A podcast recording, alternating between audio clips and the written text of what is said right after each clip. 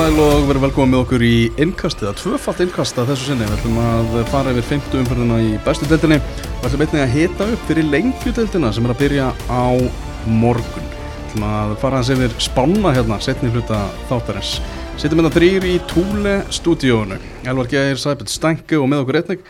Fyrru markvörður og fyrru mark, markvarða þjálfari í leiknis, Valur Gunnarsson. Velkomin. Takk hérlega er um öðruvísi fókbalta, amerískan fókbalta í tíu jördunum. Já. En það er gaman að vera með ykkur hérna að tala um knaspinu. Já, eins og þú kallar þetta Tekur því, Það er sokkar já, tekur því ítlaði við köllum þetta bara handbólta sem þú fylgist með hann Já, Já. mjög. En þetta er bara handbólti, það er bara Já, að kasta Já, já. er Þetta var mjög áhugaverð umferð og áhugaverð úslit og það er pressa hér og þar og byrjum bara á leikjum kvöldsins og, og þessum leik stjórnunar og breyðabliks þar sem að einu, tvö mörki sem skoru voru í þessum leik voru bara komin eftir tíu minúta leik. Ísli Eyjólfsson og jú, auðvitað. Stefán Ingi Sigurðarsson sem, sem að skoraði sitt, uh, hvað, sjötta mark? Er ekki að tala rétt, Jú. sjötta mark í tildinni uh, byrjunin regaleg hjá stjórnunni í, í þessum leik, það stóð ekki steinni við steinu við því sem voru að gera stængar Með svona öll návi bara, þú veist, blikar röldu bara framhjá þeim og unnu öll, alla 50-50 bolta þægilega. Líka þú veist, þeir, þeir fóru sprettin þá Það voru ekki að missa boltan eitthvað af því að stjórnuminn voru bara ekki nú kraftmikli sko. mm Þetta fyrsta mark Gísle Eyjólfsson leggur hann hérna í, í hotnið þetta er nú frekar svona veikt hjá Jóhanni Átna hérna í einhverjum tilburðum í varnaleg Já, ég bara, ég áttum ekki alveg á því hann, hann fyrir bara mjög mikið með hálfum hugið, hann klárar ekki ná við 100%, það er bara augljóst og Gísli röltir þetta fram gerir, þú veist, gerir alveg vel fyrir fram hjá honum en Jóhann átti gerir þetta þægilegt, fyrir hann sko. mm. Eftir að blikar komast í, í 2-0 þá kemur langbesti kapli stjórnunar í þessu leik og lág mark í loftinu frá þeim að, að sem er hefur getað mingaminin Það er alveg hjartan að samála og ef að, ef að samanleikur hefur spilaðir fyrra sem að blika byrjuðu með þann átt að segjulegjum í röð þá hefðu veginn ekki haft áhyggjur af þessu fyrir blikana en veginn þetta tímabilið að byrja að þá var maður ekkit 100% að blika myndir hinnlega að vinna þetta sérstaklega ekki eftir þetta annar mark og talað um lélagan varnarleik þá var þannig ekki mikið betra hjá Bitni Berg og Heðra sem að Stef- Stefán var bara einn og auðvitað sjón á markteik og hérna, en þannig að þú veist eins og segi, ég var ekkit vissum að blika myndu taka hana leik uh, lengi vel af því að þeir hafa verið að gefa svo mikið af mörgum Já, þannig að, að mínum að þetta er bara stert hjá þeim að klára þetta með núlmörk fengið á sig mm. þeir mm. læstu einhvern með leiknum í, í setnálug og stjarnan fann ekki þessar hálfopnanir eða opnanir bara í, í setnálug bara yfir höfuð sko.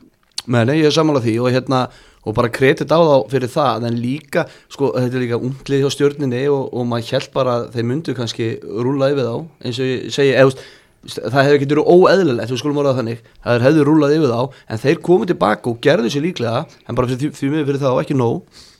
Nei, en hérna tíðenda lítill svona setni hálfleikur þannig að séð og, og heildina, þegar heildina er skoðuð bara blika miklu betra liði í þessum leik. Já, verður verið skulda, alveg klálega Já. Anton Ari verið þarna vissulega tvisar virkilega vel í á stöðunum krúsjál tímapunktum sko að vera að gefa Antoni það. En svo, svo kemur lítið meira sko. Já, ég meina, fyrir markvælsan hans Antons er bara heimsmáli hverða Já. hérna, og, og það var í stöðunni 2-0 þegar að stjórnum voru að sækja á það og eins og ég segi, ef þeir hefur skorað, skorað þar þá hefur bara verið til alls líklegir. Mm. og bara gott fyrir Anton að ná svona leikinn af því að hann er búin að vera hann er bara ekki búin að vera góður í ár. Þannig að kannski er þetta ykkur vendipunktur á hans tímabili því að úst, ykkur getur sagt að hann bara hafi jafnvel bjargað stífumbyrðið sko. Já, var, var, fannst þið skalla varslan betri heldur en skotið? Já, mig, já, já, já, eða svona, hún var svona flottari, hinn var líka frábær, sko, þetta voru báðar mjög góða vöslur, en mér fannst skallavarslan alveg, þú veist, ég, markmann mitt tók auka kipar. Já, Hann átti eina hann að shaky sendingu eftir það en svo, svo var ekkert meira Nei, svo ekki meira, sko, og það er bara því miður er búið að vera svolítið gegnum gangandi hjá honum, núna, en eins og segja, hann bara, já, var virkilega sterkur í kvöld. Já, e, þú veist, þetta fyrra mark hjá blikunum, er eitthvað hægt að setja út á áttasnæðar? Nei, sko, Þetta var ekkert óverjandi samt. nei, nei, þetta var ekki fast, sko, Nei. en þú veist, ég bara einhvern veginn, það skrítið að segja, ég ger ekki alveg kröfu á átna verið þessi skot í, í, í dag. Og ég var að hugsa um svona stjörnun á þessu tímabela því að ég heyrði út undan mér að það er möguleik að Halli Björns spili bara ekkert í ár. Mm. og uh, ég ætla ekki að selja það dýrt. En ef það er þannig að þá kannski hefur maður ölliti meiri áhyggjur af stjörnuna því að veist, á meðan að Halli Björns vinnur stig fyrir þig þá er ég ekki alveg að sjá átna að gera það. Hann er ekki lélugu markmaður, ekki miskilum mig en hann er ekki þessi gauð sem er kannski að taka þessa auka punta en aftur, ég ætla ekki að selja þetta mjög dýrt með Halla en ef það er þannig þá svona, þú veist, kannski hefur maður smá ágjur Já, annar markið mér aðeins að nefna bara svona talningi klikka líka út á kantinu þegar Jason Daði tekur svona hikar inn á völlin og keirir svo upp kantinn. Ísak Andri bara steingleimir að telja og endir í eldingaleik sem er ég með algjörlega líka aftur hálfum hug og Jason Daði bara í allan tími í heiminu til að senda bólta fyrir. Já, ég tók það líka út af þessum leikum ég veist, Jasson Daði vera að ná sínum fyrir styrk aftur. Og það er náttúrulega hjúts fyrir blikana. Þú veist, á sínu degi er þetta bara besti leikmaður í deildinni og, og ma- man, eins og við vissum hann var, fór rólega inn í mótið. En mér fannst hann vera alveg bara virkilega sprækur í, í leiknum og mér finnst hann vera að ná svona fyrir styrk í, í snerpu og hraða áður Mm. Sér þú eitthvað annar valur heldur en að breyðablik þrátt fyrir að hafa mistið sig bæði móti HK og IPVF svona snemma móts annað heldur en að þeir endi að vera í titilbarátunni Nei, svo sem betur fer að því að eins skemmtilega á þetta mótuðu fara á stað. Sem að einhvern veginn þú veist, það, er bara, eru bara marga leikir í hverju einustu umferð og jafnvel fleiri neitt um fleiri tveir að þá hérna virðast vikingar vera svona hilstettastir og sem betur fyrir eru við allavega með tvö og jafnvel þrjú lið sem að náða fylgjum og blíkar eru klálega þar. Og nei, nei, auðvitað blíkar eru með lið og eiga vera með lið sem að á að halda í við öll lið að minnstakosti og ég sé þá bara já, vera þarna til enda sko. Mér var svekkjandi að sjá byrjunlið hjá stjórnunni fyrir þennan leik. Ok, Gústi var virkilega ánæður með innkomuna hjá, hjá Kjartani, Sigurbergi Áka og Róberti Frosta í síðasta leik. Eitt er að byrja þennan leik. Kjartan já. Já, og Sigurbergi Áki kemur inn á 80 og annari mínútu. Mhm. ég, ég hef smá ágjur af byrjunin á mótinu hjá Jóhanni Átnakunarsinni Já. Mér finnst hann ekki búin að byrja þetta móti vel Mhm. Mér fannst vanta svona kraft inn á miðsvæði á stjórnunni Ég veit ekki hvort að það sé blanda af Jóhann Átna og þá Gumma Kristjáns Þetta var bara, vantaði bara power Mhm. Já, hann verðist verið smá svona vandræða með liði hjá sér Hilmar Átni komin á, á back-in og maður spurður á því hver var ástæðan fyrir því og það ætlaði bara ákvaða að setja kjartan inn á og bara Hilmar Átni bara backjaður það er ekki flóknar var það bara þannig já. Já, sagði það í viðtali fyrir leik. Já, og hann er náttúrulega líka komið upp með meðslum og mér fannst hann alveg koma fín inn í, inn í kvöld. Það var mikið að gerast hjá honum og, og, og þú veist, að mínum að eiga þeir eiga hann inni í dag. Og hérna, og já, ég, og hann var semst ekki mittur, hann var bara bekkjar það finnst mér áhugavert. Já, Mm. þannig að það var en bara stu, staðan á, á stjórnunni þeir eru í fallsæti stjórnumenn uh, þrjú stig eftir, eftir fjóra leiki. Þetta er mjög vond byrjun í Garðabæ. Já, þetta er hræðileg byrjun og eins og ég segi, ef það er eitthvað til í þessu sem ég hann sem ég sagt án allar Mhm. ábyrðar með Halla, að þá svona, þú veist þá, þá lítur þetta ekkert alltof vel út en ég hef samt einhvern veginn ekkert alltof miklar áhyggjur að þeim að því þeir hafa gæði. Og þegar Hilma kemur inn í þetta uh, Ísak Andri er bara það góður blíkanir lögðu greinlega mikla áherslu á að stoppa hann. mér fannst það alltaf að fá boltan hans að vera með 2-3 menn í kringu sig sko. en það ferður langt með að stoppa stjörnun í dag ef þú stoppar Ísak Andra svo er ekki þannig að ég veist, þannig að ég, ég ætla ekki að leifa mér að hafa ágjör á stjörnunni alveg strax allavega Þetta eru fimm leikir og þrýr að þeim eru búin að vera á móti liðunum sem við verum að vonast til að sjá Akkurat. í titilbártunni já, Þannig að þetta er FA tapið og svo er þetta sigur á móti Háka sko. Já, þeir eru að fram í næsta leik. Hversu mikilvægt er fyrir stjórnuna að vinna þann leik? Bara mjög mikilvægt. Ég meina þú veist ef þú skoða liðin uh, sem er spáð þarna neðri hlutanum þú vill alltaf vinna öll þau lið sérstaklega stjörnunni sem að berjast um að vera í, í topp hlutanum. Og þau veit að það er mjög mikilvæg leikur. En guðum góðu hvað ég held að vera skemmtileg leikur. Fram úr stjarnana Já. að spila þarna tvö svona opin lið. En hérna auðvitað er mjög mikilvægt að vinna alla leiki og sérstaklega þessa sem að svona virði stefni að verða liðin í kringu þig. Akkurat. Haldið að Gústi og Jökull séu farin að finna eitthvað press á sínu starfi? Ég myndi halda það. Ég bara af því að það er ekki, það er ekki framþróun í, í úrslitum á móti liðunum bara fyrir ofan það sko. Já, það er ekki, það er ekki að gerast. Ég veit ekki, mér, þetta er svo skrítið einhvern veginn, mér finnst einhvern veginn allir vera að tala um að Jökull sé svona heilin á bakvið þetta en svo er öll pressan á Gústa. Já Þannig að hvað ætlar að gera? ætlar að reka Gústa og ráða Jökull? Sem að samt er, er að Já, stýra við sem að, og þú veist, bara sem að Já. það er veist, Þannig að hva- hvað breytist þá? Já.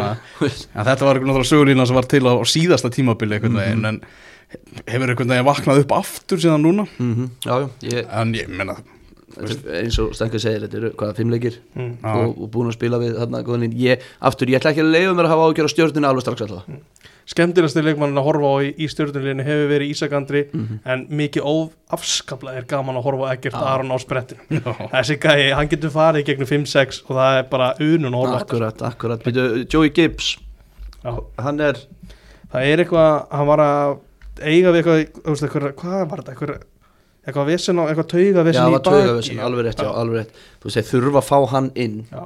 Emil Atlaði náttúrulega ekki þarna og þeir, þeir þurfa að fá hann inn og þá ef að hann kemst á eitthvað smá flug þá er náttúrulega helviti hættulegt þarna sko. En þeir þurfa að fá hann inn. Mhm. þannig að það er spurning hvernig það vil Já, bara fróðið að hvernig þið stilla þessu upp í bara næsta leik sko. algjörlega. Er það vikingur með fjögur eitt sigur á móti Keflavík og það þarf nú ekkert mikið að fara einhverjum ofmörgum orðum um þann leik en fjögur eitt endar þetta yfirburðir hjá, hjá vikingum, það var hann að marklínutæknin sem að dæmdi, dæmdi maður fyrsta markið, Pablo Puniet sem að, sem að skoraði.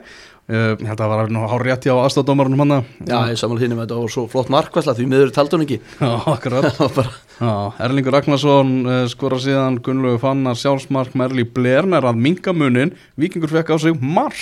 Ég skal segja hvað það, fyrsta markið sem þeir fá á sig á mótunum og farin að halda það að þeir að halda reynu bara út þetta mót Já, ég menna þú veist og það er bara að segja hvað þeir eru sterkir af því að það efast engin um sóknarþungan hjá vikingum en þeir eru svona þjætti tilbaka. Og hérna bara eins og Arnar hefur verið að og, og þeir hafa verið að stilla sig upp og spila þetta þetta er bara frábælega gert hjá þeim. Og kannski bara ágætt fyrir deildina séu alltaf búin að fá þessi eitt mark. Og sína þetta sé hægt. Já, Ingvar Jónsson ekkert mjög sannfærandi að það með að stendur hérna í textalýsingu um, sjá Marli leik boltan frá vinstri inn að Debo og lætu vaða. Ekkert frábært skot en yngvar er sigrar. Já. Ég held að það þessi bara horrið metið þetta var eiginlega beint á hann sko. Já, hann hefur alltaf einhver tíman að, að gefa mark sem markmaður, það var það fínt í svona leik já, í þrjúnu Já, akkurat. Daniel Djuric kom sér inn og sem varamæður og skora á 71. mínútu og þetta var hérna já, bara afskaplega flott en besti maður vallarins, við erum ekki búin að minnast á hann hérna sem er Bitti, Birnir Snæður Ingarsson sem var bara gjössamlega styrlaður í þessum leik Mm. var að fara ítla með kjapluginga trekk í trekk eiginlega ótrúlega hann skoraði ekki sjálfur í þessu leik. Nei, því hann leggur upp þrjú og á svo pastu og sýst í, í fjóraða sko. Það er ekki spurning og hann er ákveðin X-faktor hjá þeim hann finnst manni. Já, þú veist maður hafði svona ágjör kannski að vikingum að mistu júla að miðunni og svo var náttúrulega Kristall ekkert með á þessu mm. tíðanbili Birnir er að stígu upp og Gunnar hann á miðunni hjá þeim er bara búin að vera frábær. Þannig að þeir að fylla upp í þessi skörð og, og allavega í þessu fyrstu fimmleikin virki ekki slakar í síðustu tvö ár. Nei, það er svo gaman að sjá náttúrulega að spila fótbolta. Enginn bara í deildinu að betri einn og einn og við erum búin að býða líka svo lengi eftir því að hann verði svona heilst eftir leikmaður. Akkurat. Hætti bara eitthvað að sína rispur af og til eða góða leiki af og til. Maður var einhvern veginn búin að gefast upp að við myndum nokkuð til að fá það. En þá akkurat 2023 verið svona vera ára, hann er búin að vera frábær í öllum leikjum.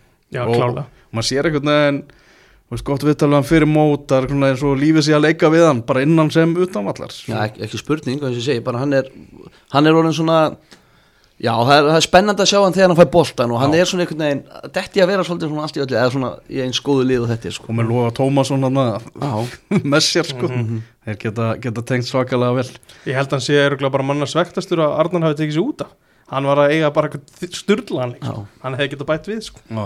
Víkingar langmest sannfærandi liði í upphæði móts ekki spurning og eins og ég segi, þess endur ekki með að veist, ég er hálf glaður að blikandir unnu á þann og, og að valur leit eins vel út og þau gerðu núna að því að með, veist, þetta er það skemmtilegt mót að maður vill ekki að neitt lið hlaupi með það Já bara að fara með það, við nennir ekki inn í aðra úslutakefni sem að ekkert er undir mm -hmm. þannig að, ég, þannig að þeir en ég er sammálaður vikinga bara, ba, bara tilbaka líka bara virkilega flottir og, og skemmtilegir og vel þjálfaðir og með góða mannskap þannig að bara allur pakkin talandi um mannskap þeir leiður sér að rúla svolítið á hópnum í dag. Já, þeir eru á, leiðinni í, í, til vestmanna í næstu umferð. Ég ætla að gera ráð fyrir að við fáum aftur stóru kallana inn í lið. Já, ég meina Viktor Örlög kemur hann inn núna, er hann ekki bara að spila hann er ekki bara að spila mikið núna. Þetta er fyrsti byrjulegsleikur já, já, bara mínum að þetta vannmennasti leikmaður í að hann hann er mm. Eru með fjögusteg fekku þrjústig náttúrulega á móti fylki sem er í næsta sæti í fyrstu umferðinni og síðan hefur komið eitt steg í, í fjórum leikjum. Þeir eru ekki að fara að lifa lengi á þessum fylkisigri þeir þurfa að fara að ná í, ná í fleiri steg en það. Já, ekki spurning. Og hérna, þú veist, ég hef ég hef smá áhyggjur af keflingunum ég skal viðkynna það. Mér finnst svona tvö lið í dag vera bara svona tvö slökustu liðin og keflaði er eitt af þeim eins og staðin er í dag. Mm. Og hitt er liðið vantalega sem þeir mætti í fyrstu umferðinni. Já, og unnu. já, og unnu sinn eina sigur. Já. tölum kannski þá um þriðalið eftir smástund Já. það er eitt lið sem er líka að byrja, byrja þetta mót mjög furðulega sko. já, furðulega já. Já. En, en já, keflingar svona En það er ekkert óvænt, þetta var, er ekki bara keppvíkikar svona eins og maður bjóst við þeim fyrir, fyrir mót Jú, og meiri sagði að þú veist, ég, maður vill alveg gefa þeim svolítið svona benefit of the doubt, bara með þau hvað þeir hafa verið duglegir í stigasöfnun undan fyrir ár og það virtist vera að koma inn einhver svona, keflaði einhver andi í þetta bara, bara vinna leikinn og kannski ekkert mikið meira, skiljið. mm. En ég veit ekki alveg hvernig það er núna, þú veist, þeir hýttu á góðan markmann, mjög góðan markmann, Kamel er góður, hættur að fasta, þannig að ángriðs þá kemur meira náttúrulega kraftur og svona. akkurat. Þú veist, þannig að, þannig að jú, þið gæti alveg sett í gýrin, en ég hef smá áhyggjur af þeim núna. mm Þannig að ef við ekki bara vind okkur í næsta leika Ég held það, það sé ekkert að mann búin að þeir sko. Já, ég held að það sé bara best að við förum næst uh, á Vívaldi-völlin að við förum á, á Seltjarnanesið Já, það sem að gróta tapaði grót, þess að Káar tapaði fyrir HK var það skipulagt? Nei, þetta var ekki skilvægt, þetta var algjörlega heila bylun eitthvað tengi kalla en ok, Káar tapaði fyrir HK á Vívaldi-vellinum Mm. var þetta ekki svona hámark niðurlægingar, niðurlægingarinnar bara fyrir Káar, bara fyrir stuðningsmann Káar að vera mættur á heimavöll gróttu sem var skyndilega orðin heimavöllu Káar í þessu legg tapa fyrir HK Já, bara, það er eitt, bara eitt móli strax í byrjun. K.R. vann HK 6-1 í vetur. Já, Það er bara heimin og haf núna virðist vera með trúin á þessu dæmi sko. Já, En já, þetta þeir eru mættur á seltjarnan sem spila heimaleik. Já. Það er bara ekki, það er ekkit ásættalegt maður sá það á samfélagsmiðlum og margir harði káeringar sem voru, já ekkert að sætta sig mikið við þetta. Nei, ég heyrði fyrir móta að þetta myndi aldrei gerast. Nei. að bara Palli og félag myndi bara ekki samþykja þetta. Já, en svo, jú, svo er þið komnir þarna og eins og þú segir bara ansi gráttun og ansi svart þá tapaði blessuðum leiknum. Mm. og hérna, hvort það var sangjandi eða ekki að þá skipti það ekki öllu máli. Nei, nei. og káringar bara sem var mikið talaði fyrir mót og, og, og ég sjálfur var með, mjög spenntu fyrir þeim. Þeir hafa ekki byrjað þetta alveg nógu vel sko. hann Þetta fyrir er langt bara- frá því. þetta er, bara- er bara Óskar Ófögu tók það saman, þetta er bara vesta byrjun káer síðan Rúnar Kristinsson bara tók mig við stjórnantömmana Já, í fyrra skiptið já, Já, bara síðan. Já, síðan, ok. bara, bara í sögun, Já. Rúnar Kristinsson har aldrei byrjað jafn ítla með káer Já, já, þegar maður, mér finnst þetta byrja þetta mót vel, þú veist, þeir voru raun og veru óöfnir að tapa, uh, tapa sér niður jættil á móti Káa í fyrstu umferð, þeir eru sannferð á móti Keflavík, færandi á móti Keflavík í annar umferð, svo koma hann að tveileikir í röð, þú veist, annar á miðvöllum, ég veit ekki alveg hvað maður á að taka mikið út því, en, eh, en það er eins og að sé, ég veit ekki hvort það vanti bara bara gæði í liðið, þú veist, þessi mið, uh, Norsar á miðinni, Ólaf Öbi já, ég meina, þú veist, er hann að gera eitthvað fyrir þetta lið? hann er ekki að heilla mig neitt sko. Umræðan fyrir, fyrir móti á káer var svo mikið eitthvað feskir norskir vindar. Um, kemur hann náttúrulega Óle sem er aðstofar þjálfari hjá þeim og Óle Martin og hann var með einhverja nýjar áherslur og hann vantilega ber alla ábyrð á þessum norðmönnum, norsku leikmönnum sem eru fengnir, bæði Ólaf Öppi og svo þessum markverði Símen Lillevík Kjellevold og allavega við höfum talað um áður Kjellevold ekki með eitthvað svakalett CV og með heyrta bara frá þjálfurinn sem fannst bara svona, skrítið þegar skoðu þetta að Káir var að taka markmann með ekki meira CV að þetta. En á hinbóin þá er þekkir Óli Martin hann út í, út í gegn og fjekk hann til strömmen á, á, á sínum tíma. Stórliðið stórlega strömmen. En hann hefur náttúrulega verið alveg herfilugur, var herfilugur í, í síðustu umferð og þráttur hann hafi verið skömminni skárri í þessum leik þá var það samt eiginlega ekki. Nei, mér fannst hann skrítin í þessu marki. Hvern, Hvernig sér þú þetta var? Já, ég er alveg samanlega, ég veist, mjög svolítið ósangjönd að segja en eigi að verja þetta en þetta hefði ekki verið besta markværsli heimi ef hann hefði verið þetta. Ég er alveg samanlega því. Og mér finnst líka svolítið ósangjönd að tala um hann hefur verið hörmulur í ára því að fyrstu þrjá leikina þá fannst mér hann bara góður. Mm. það er að segja, hérna, eða var það fyrstu, Jú, fyrstu þrjá. fyrstu þrjá, já, Já. Og, og þú veist, og að því að ég var með búin að heyra að hann væri ekki góður. Bara á æfingum og undirbúðinstímbilinu og, og þetta, ég var meira að segja, heyrðu orðið trúður. Já. svo byrjaði hann mótið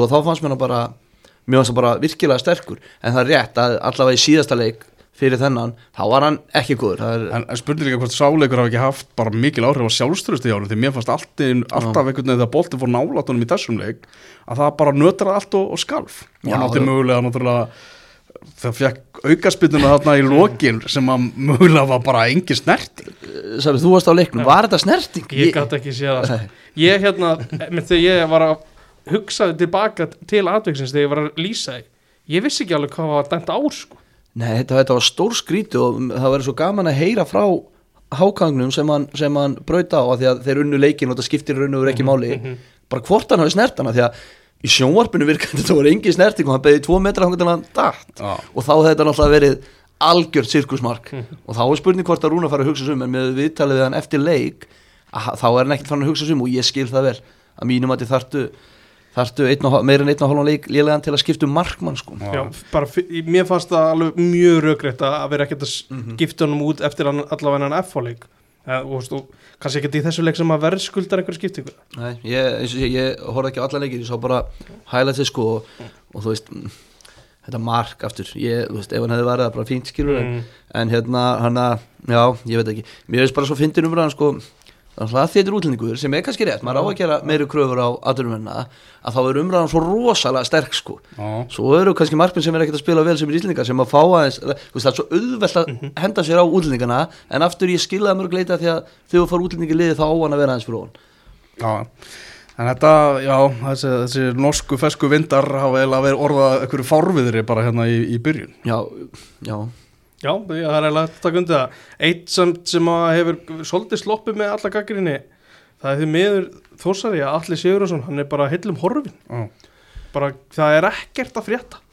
Og vonandi að hann seti sig í stand og, og sína eitthvað geggjað á móti val sko. Ég, mér finnst bara fleiri, mér finnst Theodor Elmar ekki byrja þetta mót Mm. vel hérna, Kitty Jóns ekki byrja þetta mót vel og hérna og miðinni ungi Jói Bjarnar veist, ég bara átti vona meira frá öllum Mm. þessum einhvern veginn og mér finnst einhvern veginn ekki mikið vera að tikka þarna hjá þeim akkurat núna og, og, og hver á svo að skora uh, mörkin fyrir þá? Kristján Flóki? já Mm. hann er ekki að gera Mér fannst hann og Sigur Björtur koma vel inn í líka Ok, og Sigur Bjartur er hann að fara að halda uppi sóknarlinu K.R. að einhverju leiti? Ég er ekki vissum að það sé alveg sko lausnin frá fyrstu mynd til þeirra nýtustu. En ég meina að Kristján Flóki kemur vel inn í hennar leiksigur mm. það er alveg ástæða fyrir því að hann er settur á bekki Já, já. og hann hefur alls ekki staðið undir vendingum hjá í, Vesturbæn Svo líka bara einmitt spurning líka ofan að það hvort hann sé bara 100% heill sko.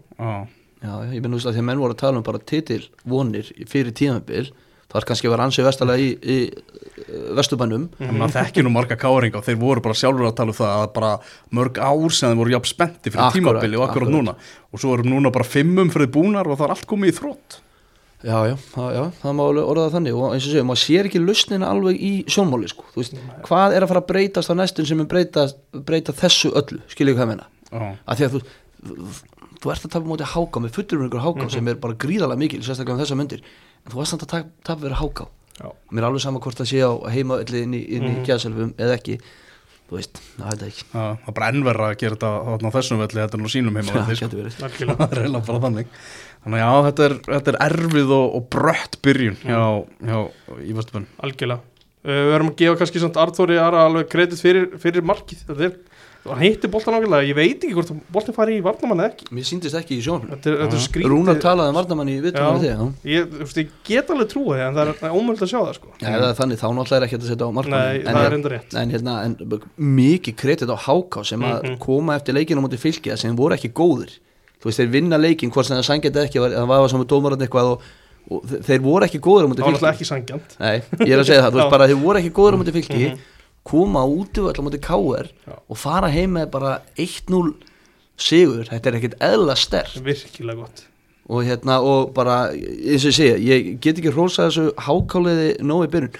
En þú veist, ef maður skoða svo liðið að það er reynslað þessu liði, þó ég sé að koma upp þú veist, ég held að séu yfir 600 efstundaleikir í liðinu. Wow. skilur hvað Já. þú veist þannig að þetta lið er alveg að koma þetta er ekki eins og þetta séu ykkur nýlega bara eins og þegar við leiknismenn komum upp 2015 sem vorum við bara, allavega menn hafði séð bara varadómara en hérna, og tala svona um eitthvað að þetta væri keimlít bara háka á löðinu sem að fór niður og maður eins og þú veist Artur Ari vantarlega bara að þetta gefur honum kannski bara eld. Að þessi, þessi svona umræða. Hann var, hann var alltaf heitur í þessu leik að skora þetta mark og, og svo var hann og Theodor Elmar hann vel að að kýtast. Þetta byrjar, í, þetta er, byrjar eiginlega í aukaspindunni alveg Já. þá er einhver öskur á milli. Svo Artur í, í lokaflötun hann byrjar að fagna snýr sér svo aðeins meira að Elmari og fagnar ennþá Já, meira sko. þannig, Já. já. það var svona aðeins að vera, vera, vera kynntingar í þessu mm. Nóman ekki Guðmundsson þjálfari að háka og allt róskilið er búin að tapa einum fótbollaleik eftir fimm umferðir í, í dildinni Það er bara frábært og ótrúlega gaman líka uppalegin hákaðingu, bara þú veist ég hugsa um hákað og hugsa um Ómar einmitt og fær sjensin hérna í fyrra þegar hann, þegar hann tekur við og þetta er bara ótrúlega gaman að fylgjast með þessu og eins og þú segir allt kredit á hann. Og ég heyrði að vera einhver umræði, ég man ekki hvað þetta er hvenar, hvort að þetta væri mögulega þjálfar ásins eða verið kosið í dag sem er náttúrulega galið að tala um. Það er bara ekki spurning þetta er náttúrulega bara, þetta er ótrúlegt þú veist, þeir voru þriðasætti fyrir kvöldið í kvöld ég veit ekki hvernig það er núna. Það er ekki áfram þannig? Jú, þetta Tíu steg hérna í þriðasæti Það er líka, veist, mér finnst gaman að horfa á hóka þegar það er við, það var sýnilegt plan líka í þessum leik. Hvernig þeir ætluðu sér að sækja. Mm. þeir ætluðu ekki að veist, þeir voru ekki að taka neina óþara sjensa þeir voru virkilega velskipulega tilbaka enda, þú veist, ég spurði Ómar og Artur Ara út í svona samvinnun á miðjunu hún er ótrúlega sýnileg. Það er ekki ég, spurningi kom í rauninu af því að hún, mér fannst hún ekki sýnilega mútið stjörnunni í 50 tapinu okay. þá var þetta allt bara í volli hann á miðsvæðis. Þannig var þetta miklu meira skipulega og miklu lokari leikur auðvitað. Já, ég meina, en þú veist já, ef þú horfður samt á núna hvað hérna Háka búið að gera, þeir búin að vinna útivelli á móti breyðablik og káar Já. í þeirra viltustu draumum hefur ekki talað um það fyrir, fyrir e, mánuði sko. Nei, nei, Þetta er alveg ótrúlega vel gert. Þarna, náttúrulega káringar manni færri frá 50. mínútu það Jakob Frásms Pálsson fekk að líta rauðarspjaldið Já, það klárlega er brot en ég, ég bara kann ekki reglurnar ef að, ef að allir hafna á engan sens á boltanum er það þá raukt af því að er, er hann að ræna einhverju upplöfu færi? Nei, ég var ná enga sens á boltan og var hann ekki að gera það. Nei, og þá er það, er það bara brot og gullt þá eða Vandalega af því að mér finnst hann ekki eiga sens í boltan Ok. en ég þarf að samt alveg að sjá það í endursýningu til þess að meta það. Já, þannig að eins og, eins og einn góði viðmælandi sagði þá fá dómar bara að sjá aðtökin einu sinni. Já, og ég skil hann vel að það er maður raukt sko ég skil hann bara líka og ég sá þetta í sjónarbrunni ég hugsaði ekki einu sinni um þetta fyrst. Að því mér fannst hann eða senst í boltan eins og segir maður þarf kannski að skoða þetta aftur.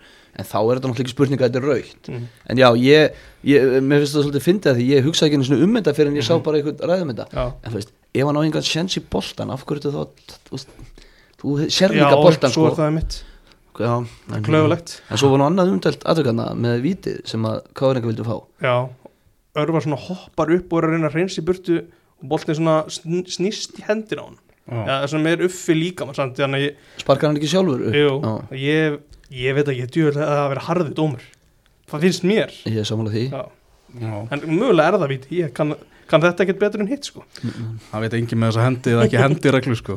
Flóki, hvað næsti að jafna með, með stangarskoti en ekki gegn það og, og Kárin Húl HK1 Já, það var hérna að, að, því, að, að því stóð alveg við völlin þegar ég var að textalýsa Já. þá hérna var alveg mjög sýnilegt hvað Rúna Kristinsson var orðin þreyttur á Eithóru Völur og, og voru fleiri í kárliðinu inn á vellinum sem voru ekki hrifnir að því. Hann var alltaf að rífa í menn aðeins að toga, aðeins að sparka frá sér. En mikið er það vel gert hjá hann fyrst að kemst upp með það sko. Já, ég er samanlega bara velgert hjá Háka og Sækjana því að þetta er svona ekta leikmaður sem er í svona lið Mm. þú veist, hann er bæðið með gæði upp á topp og hann, hann getur skorað svo er hann bara full á allan helvítisleikin og láta hann að finna fyrir sér og það er akkurat sem að Háka þarf mm. Mjög gaman einmitt líka að Rúna Kristinsson talaði mikið um það í viðtalina til leika hvað hann og L. Eiríks varu góði vinnir sko. Já. Við erum mjög góði vinnir Það það er Þeir voru ekki alltaf vinnir Þeir hafa ekki alltaf verið vinnir Við, við römbuðum inn á Atvík var á 2010 Já, eftir byggarúsluleikin þegar kom hreinlega yfirlýsing frá Káar að þeir, Já. það var vantraust var það ekki svona vantraust á Já. dómaran Jú. Ella Eiríks bara við, K.R. treystir ekki Erlend Þegar Eiríksinni hann átti strák í, í yngri flokkum FA eða eitthvað það er Það ekki eru brjálaður eftir byggarúrstaleikina Já. sem að dæmdi tvö víti á sem voru báður hárrétti dómar Mm.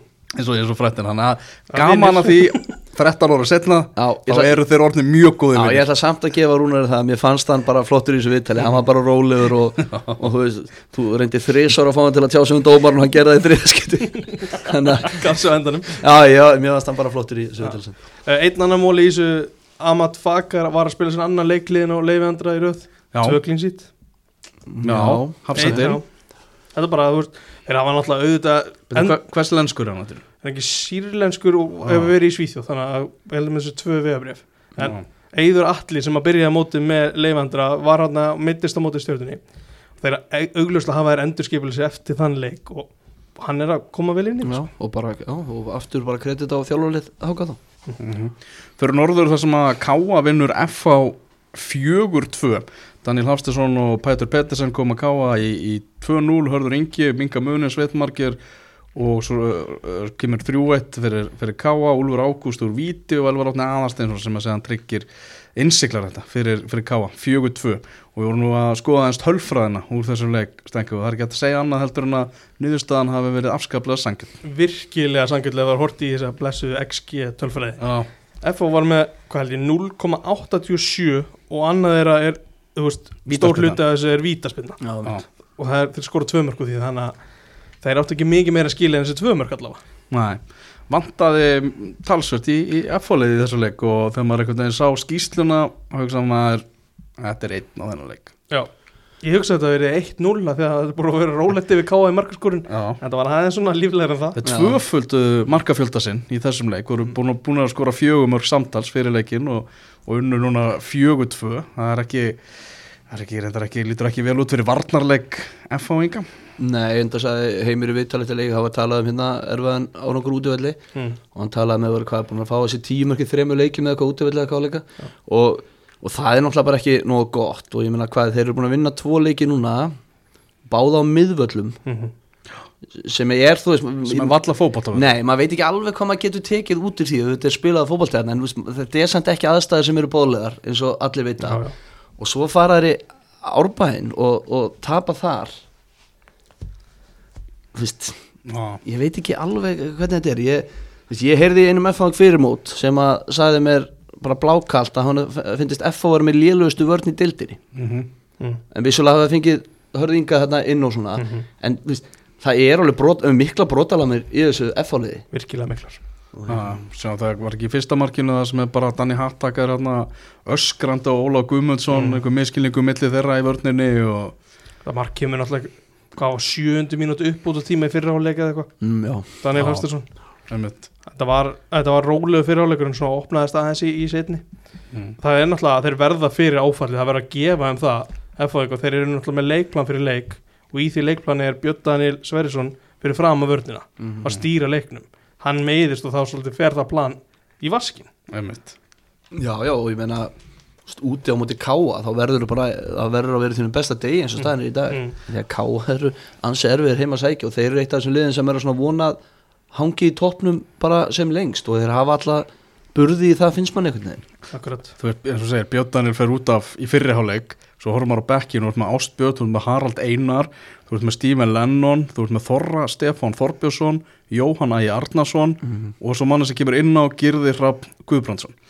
Girði náttúrulega eins og ólíkur leikmaður og Björn Daniel og hægt er að finna, já, en það er ekki aðri kostir á, á nei, sko, til að fá einhvern annan í, í líkingu við hann, sko. nei, nei, ég er samanlega því eins og segi, þú veist, ég veit ekki ég veit ekki alveg hvað maður hefur þetta F-fálið og þessi sigrar hafa komað miðvöldum og ég minna, eru F-fá að fara að enda í, í top 6, myndið þið segja það í dag? Nei. nei, bara alls Nei. ekki Nei. fyrir leik er, kemur ljós að það eru áföll náttúrulega hjá þeim Kjartan Henry og, og Lógir Hafn meittir Mm Eggert líka meiðist í þessum leik. Já, já, ef að þessi fjórir pluss og etu mömmu eru meittir ykkur tíma. Já, þetta maður múið meittur ykkur þrjár vikur, sko. þá er hópurinn orðin ansið þunnskipa Já og líka bara fyrir flest lið að þessa gæja sem Já. eru þetta stórir í liðinu. Auðvitað er þetta, það verður að gefa þeim það. Þetta er náttúrulega áfall og allt það. Þetta eru fimm að bestu sjö í lið Akkurat, þú veist, auðvitað. Og það má ekki taka úr, úr hérna, myndinni en, en svona heilt yfir þá maður ekki alveg svona samfærur Og spá, fótbolta.net fyrir móti var F að spá sjöndasæti ég, held- ég held að brendi þar. Já, það getur vel verið. Ég, er- fyrst einhvern veginn líkt að því. Mér finnst jafnvel ekki að denda já, af því að þau kom inn á útvallarrekordi það er tíu mörg á sig. Já, þeir hafa samt skora sex. Já, einmitt, já, búin að fá eitt stíð út úr því Já. úr sex mörgum það er rosa vond já. það er bara, það er mjög vond þú veist, myndist ekki á það áðan er mm. þeir eru búin að fara í gegnum held ég 280 mínútur á þess að skora að þrýr heili leikir og já, tíu myndir Já. viðbútt já, Já, þrý það er heili þetta leikur og 10 rosalegt, mínútur já. já. það er, það eru ákveðna viðvörunarbjöldu þar algjörlega og, og núlmynd, bara svo það sé sagt núlmyndu þar á Luke Ray það verið líka verið vombrið svo eitthvað séu nefndir já, Með Luke Ray, já. já Já, e, hann- hefur hann þá verið vonbriði? Nei, bara og þegar við vorum að nefna menn sem hafa Já, verið hafa ekki skil í byrjun. Mhm. Í Káa, fjórir markaskorar allir að skora sitt fyrsta mark í tildinni já, Ú, skemmtilegt. Já, og bara ná að ná svona leika sem eru að skora almennilega, það er gott fyrir þá og kemur ekkert óvart að Hallgrimur Mads Stengriðsson var maður leiksins. Nei, hann er hann ekki þátt í öllum mörgunum eða eitthvað þarna. Þetta er gæði, sko. Hann er Já, sturla líka góður sko. gaman að sjá Elvararni kemur hann og, Já. og skorar frábært mark. Frábært markað mitt og Já. hérna, þurfa hann hann upp á topp í allskinn stöðum í sumar sem komið Mhm. í sumar eins og Stubbi var nála því að verja vítið þá finnst mér við verða að setja spurningamarki við þetta skot frá herðinga. Það var með eitthvað skrítið við þetta. Var, já, sko, mér leið Já, það er svo fast, ég veit þetta er fast skot já, en þetta bara endar einhvern veginn beint á já það var skrítið sko, þetta var, svolítið erfitt, að sjá þetta í cam útsendingu það var bara ein kamera sko. en þetta var, já, en maður sá viðbröðun hjá Stubbi líka, hann var ekki sáttu við sjálfa sig að þessi bolti enda í, í markinu sko. En Já, Jaló er eitthvað meittur, hann verður ekki klár í næsta leik og ég held að þetta verðskuldur ekki skipt ykkur, ég get að tala um það en veist, það er smá í að Jaló en það aftur Já, þetta er líka svo fornileg stað, þetta er sama stað og var í fyrra þegar Stubbi byrjaði svo vel mm, Nei, var ekki hitt Já, var það hitti fyrra, Já. er örugglega. Já, ok, var það hitti fyrra Já. Já, þegar hann byrjaði svo rosalega vel Mm. Svo tók hann einhvern veginn fall sem að margi voru að býða eftir Hvað ætlaði Ká að gera? Ætlaði bara að henda ég alveg strax í markið Mm. eða ætlaði að býða? Veist, maður veit ekki hvað ég gera nú Já, já, hann var í fyrra sem þeir skiptu en, en Stubbur átti frábært tíma Já, það var í fyrir sem skipti, já, Já, ég er að tala um það, já. já. Hann byrjaði svo vel, Já, svo kom hann að smá dífa mm, Þá kom ég alveg inn á Þannig að spurning hvort þeir ætla að skipta strax eða ætla bara að leifa Stubba að klára á sem að ég myndi öruglega að gera takk fyrir þetta og þetta er, eh, já, tvo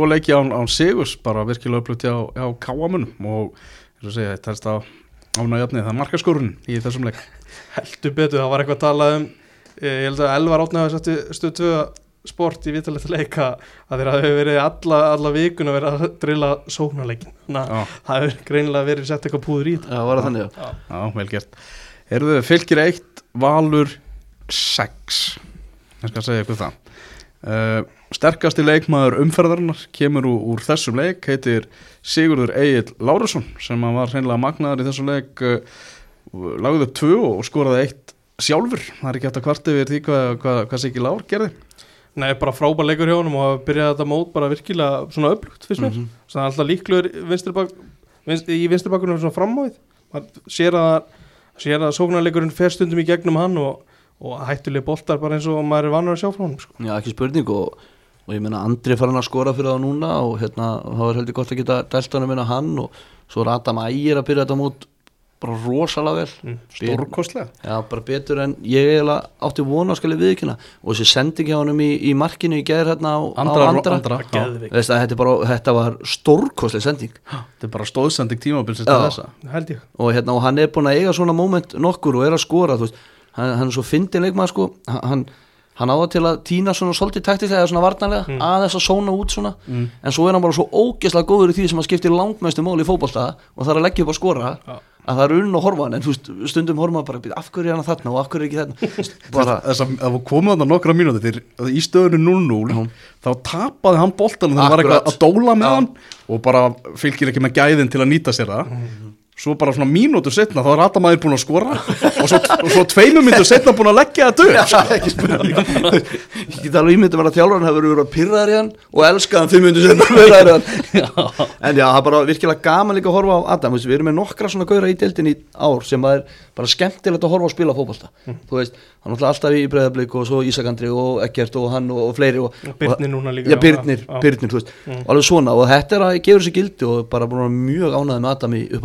já, Já. Og og og Já.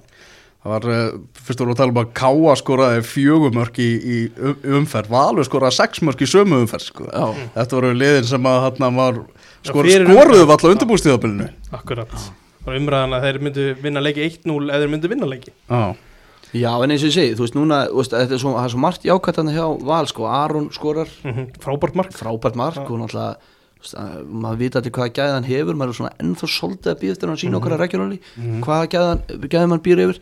Andri að skora þriðja leikin í röð held ég að sé rétt hjá mér. Ég held sér til Já. þess já.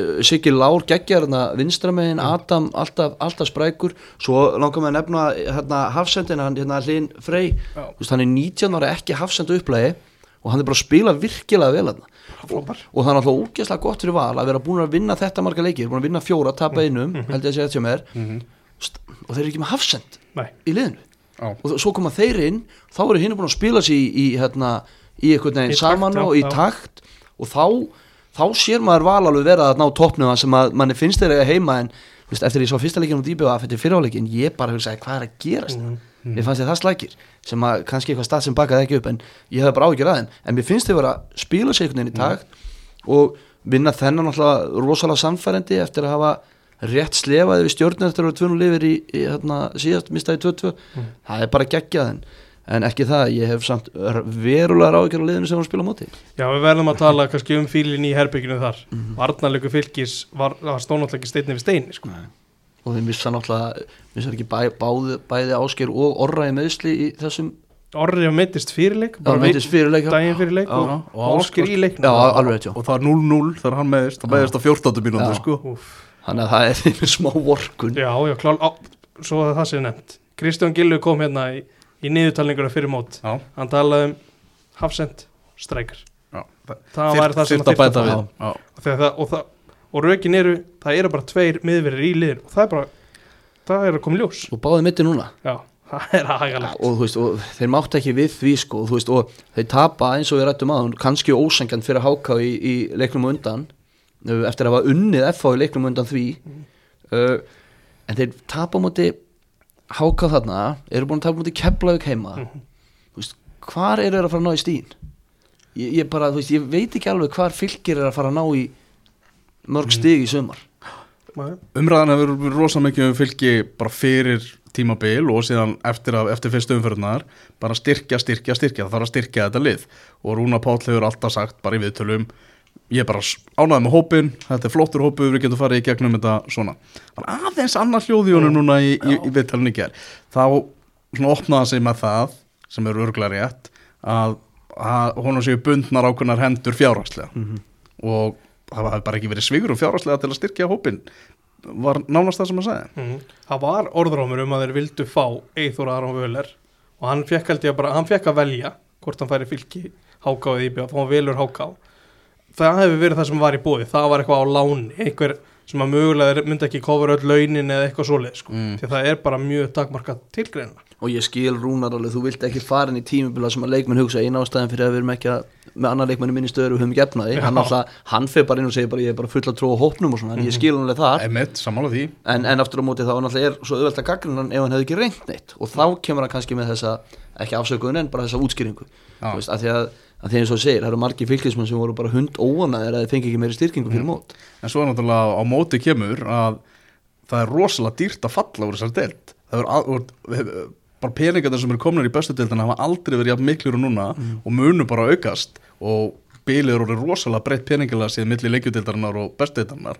Þannig að vera ekki með í deildinni það er líka mjög dýrt sko. En sérstaklega startkostnæðurinn er þeim mun hærri bara komandi inn í dildina sko. Aha, ég er ekki að- ef þú ert með bara budgeti í fullu maxi skilu þá ert ekki, þú ert ekki að spara neitt sko. Þannig, en ég er alls ekki að segja það að menni að fara að taka ykkur fjárhagslegar áhættur. áhættur var voruð sem ég ætla að leta. Og hérna, menn þurfa að gera þetta náttúrulega skynsalega og þeir gera það nú í, í, í árbænum en þetta lítur afskaplega illa út hjá þeim Já, þetta er svo þetta, þetta tímabili, þú veist, þegar þeir dróðust út á móti sindra í byggarnum um daginn, þú veist, í þarna 32 lúslutum eða hvað það var, þá hugsaði ég bara þetta verður svona þeim. Þú veist, þú vilt að einhvern veginn alltaf vera einhvern veginn í Reykjavíkinu og svona, svo hugsaði ég bara, ok, þeir eru búin að tapa þarna á móti Keflavík á síðustu mínútu. Fáið sindra út í byggarnum. Þá hugsaði strax bara, þetta verður ég held að þetta verði ekkert skemmtilega tímabil hjá, hjá hérna, fylki, þú veist, ekki það ég elska höfni hotnafyrir, svo því sé aldrei að konum frá djúbu, ég keira þarna reglulega. En þú veist, þetta er svona akkurat sikur svona já, þetta verður svona tímabil. Eins langt í burtu og kemst. Já, já, bara á svona, ég veit ekki, þetta er svona og ég hef verið í þessari deildan sem vinnum alla leik sko, Mm. og þú veist og bara í fyrsta geti sögunni sem við fórum upp 2015, bara leiknir í efstu deild geggjað, Mhm. það er alltaf leiðilegt að tapa sama hvort það er í efstu deild eða fyrstu deild eða annari deild sko, þetta verður ekki skemmtilega þó maður séðan uppi og þetta getur verið mjög erfitt tímabil hjá fylki ár. Já. það er allt sem betur þess, það eru blikur á lofti í árbænum. Já, ég er svona melda hvað miðvara bara ætla að stilla upp í næsta leik. Hvort það veri Elís og Arnór hver er eiga þeir í næsta leik? Uh, Það er líka mjög góð spurning hvað er sko. Er- Ég ætla að fara þessi yfir hérna tvö atrið allavega í þessu leik þannig það káa, nei, Nei, þeir eru að breyða Já. Fylki breyðablika af úrtvellinum á mónda að Blikar skoruð fimm síðast á úrföldin á heimaðalli blika. Já, já. En hérna, þetta sjálfsmark hjá Unnarsteini já, það voru tvö skríti að sjálfsmjörsku þetta var svo, þetta var svo skrítið. Mhm. að, hann er náttúrulega vantilega að reyna að þruma fram hjá stönginni en hann þrumar í netið fast niður í þetta er bara alveg slútt sko. og það er engin valsari í kringum. Það er svona aðeins í humótt á eftir honum hérna fyrir aftan og hérna og, Óli náttúrulega í markinu átti ekki von á neinu þannig að baltinu með boltinni litur þetta var mjög skrítið bara eldgamli innafótar út í hot sko. Já, en svo er þessi gjöf maður sá hérna Sigur Egil Lárusson hann skorar eitt, leggur upp tvö en hann var líka hálsbreyt frá því að halda hreinu og hann var ekki ánæður þegar það var tekið á honum í eða hálsbreyt, það kom reyndar snemma í setnáleik en þeir voru þessi eina marki frá því þegar að Birgir Heimisson gjör svona gefur mark. Já.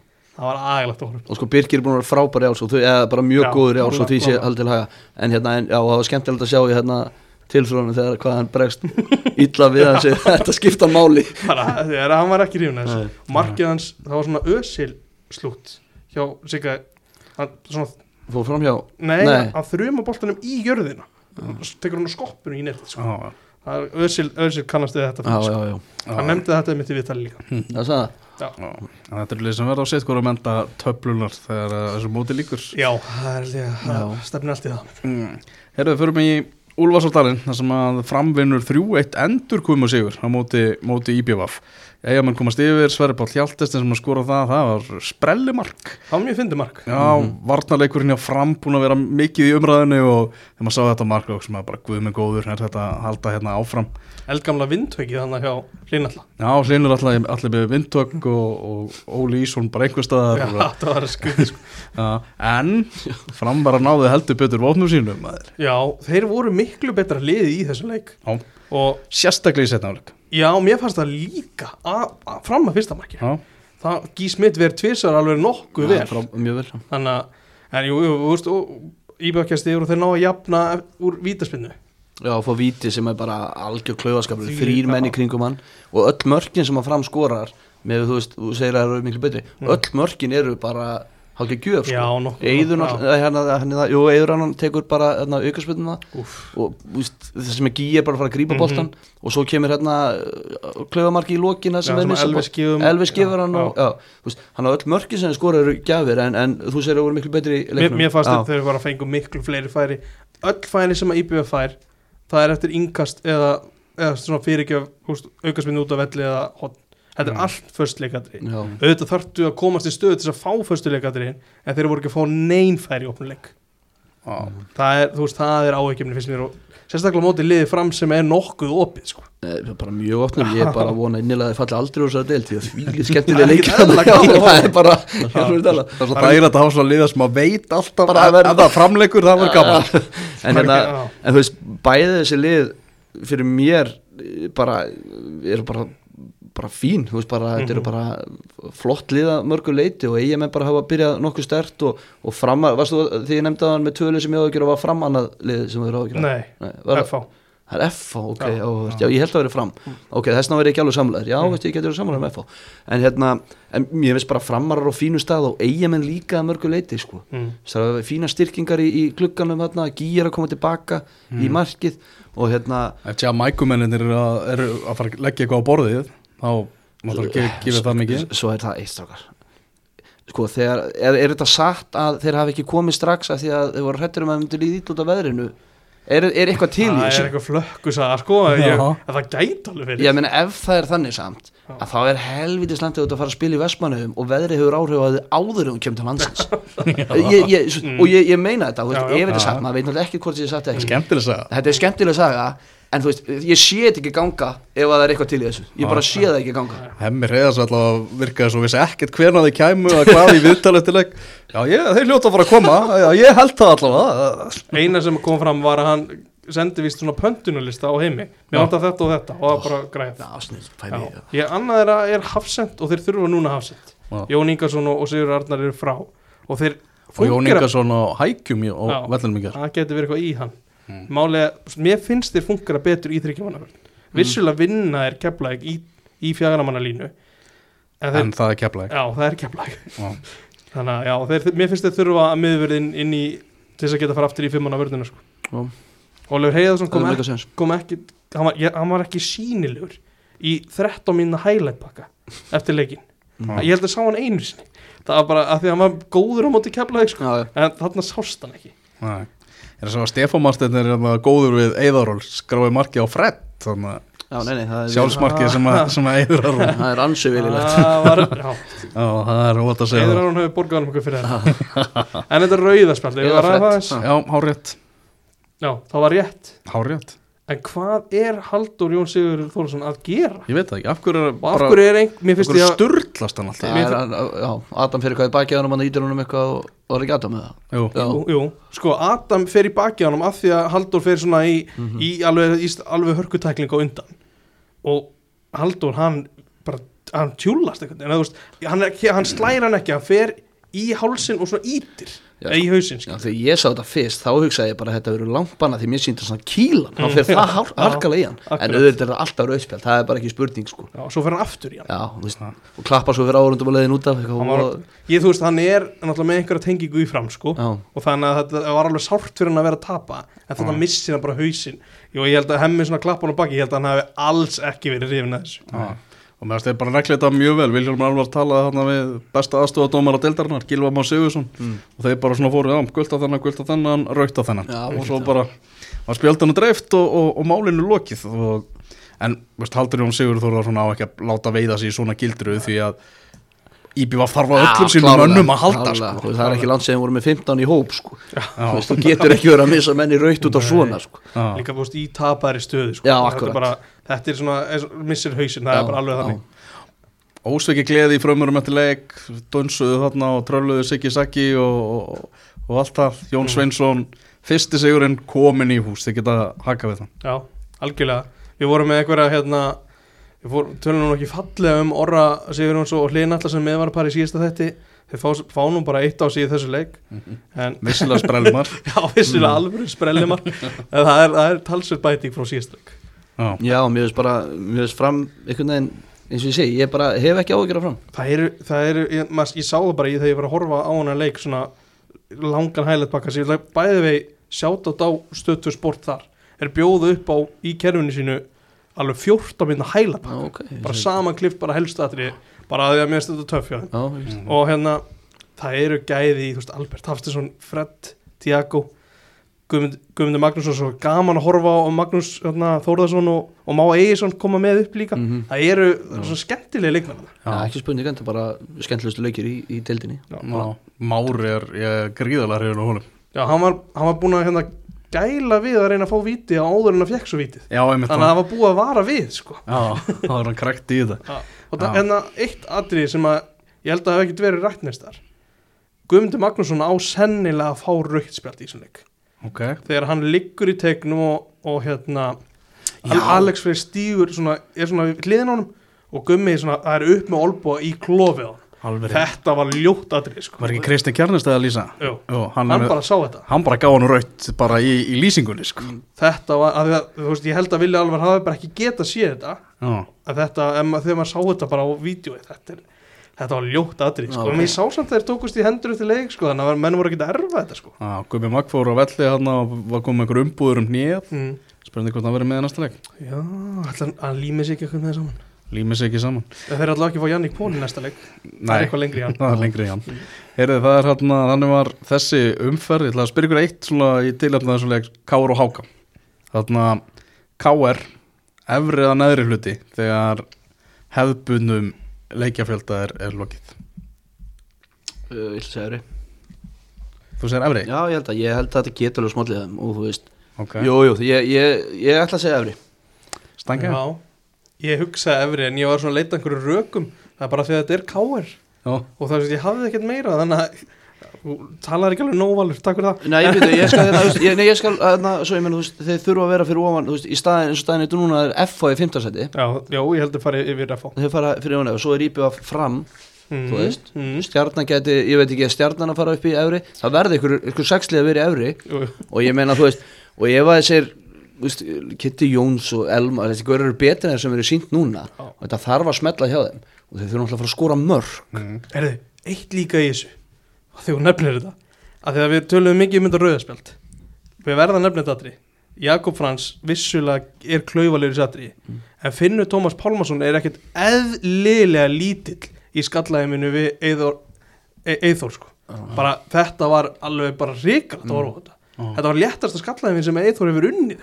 Mm. þannig að Finnur fær hann að hann var, áminningu á hann sko. þetta Já. var ekki gott En ég meina þú veist, og, núna er náttúrulega ekki fjögur Európa-setti í ár. jú. Þannig að bara þrjú verið- pluss byggar Já, þrjú pluss byggar, Mm. þrjú pluss byggar, já, og svo náttúrulega ef að, Já, ef að já.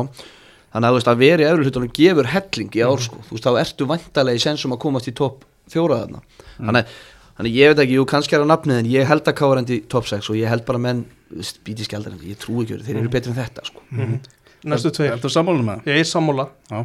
En það er næstu tveir. Við getum séð á með sama stíðafjölda Já, Valur og Breiðablík eru næstu tveir mótherjar KR Áhugavert og þannig að það er alveg möguleika því að KR-ingar eftir sjö umferðir deildinni verði með Já. og það eru bara meiri líkur heldur að minna á það að verði þannig því að tvöliðin eru miklu betri heldur en þeir eins og staðan er í dag. Eins og þannig í dag, já, spurning hvort það verður spila á grasunni hjá KR 13. mæ það er líka áhugavert reyndar ef sá völlur ekki gefið KR-ingu mikið í gegnum, Nei, reyndar ekki, en, gegnum það, síðustu ár. En mann finnst þeir einhvern veginn líklega þar heldur en á, á grótuvellunum já klálega. Bara, já ég, ég gefum það þeir eru líklega þar. Já. en HK efrið Nei, Ú, nei, verið næri já. Svona, svona rétt, rétt undir strikið. Já, já, ég heldur endi í svona ég heldur endi í svona áttunda Mm, ma- maður býst bara við að svona nýja brumi fara svolítið frá þeim sko. Já. En þeir líta vel út eru- núna er síðustu leikir verið þéttir Mm. ekki verið líklegir að fá sér mark. Eða þú veist líklegir, jú, Káur gæti alveg skora jú, jú, en voru ekkert sérstaklega líklegir á mútið fylgja að fá sér mark sko. Nei, þetta er náttúrulega skrítið að maður er búin að rósa háka allan blessaðan þáttinn. En þú veist, við höfum séð alltaf þetta er ekki fyrsta Íslandsmóð sem við horfum á hana og þú veist, ma- maður myndi ekki missa hugun í gólfi þeir myndi alltaf enda í 8. 9. sæti Nei. og ég held að endi þannig en aftur bara allt kredit á sem við getum geðið Mhm. þá hlusta fólk að þáttinu og segja Rómar Hraunið öðruglega, búin að tala svo vel um það núna í 40 mínútur svo nefnum þetta Á sunnudaginn þá hefst eh, næsta umferð það eru tveir leikir, það er HK Káa í Kórnum klukkan 5 og svo klukkan 19.15 er þessi svakalegi leikur Vals og Káer á Origo vellinum það er gómsættur leikur, ég held að ég held að við verðum allir þar. Já, bara mér er að rósa mótanettinu fyrir. Mér finnst alltaf vera fókvöld til sjónvarpinu og maður nær óvinni mörgum leikjum í beinni og svona. Mhm. mér, mér, ég, ég, ég held ég hef aldrei hort á mér í fókvöld en þessar fyrstu umfyrir mér finnst þetta geggja og voru geggja leiktími í sérstaklega líka síðustu umferð.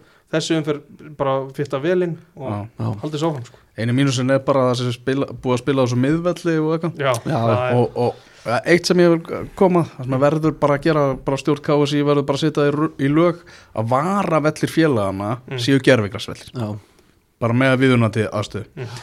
Herðu, mánudeginu þá er IPVF Víkingur á Hásteinsvelli þar sem að uh, Tryggvi Guðmundsson er að fara að textalýsa þeirra leika á. Já, og taka viðtölu vandalega þá? Já, já, Já, já, það verður bara Tryggvi hittir hemma reyða sætti leik, sko.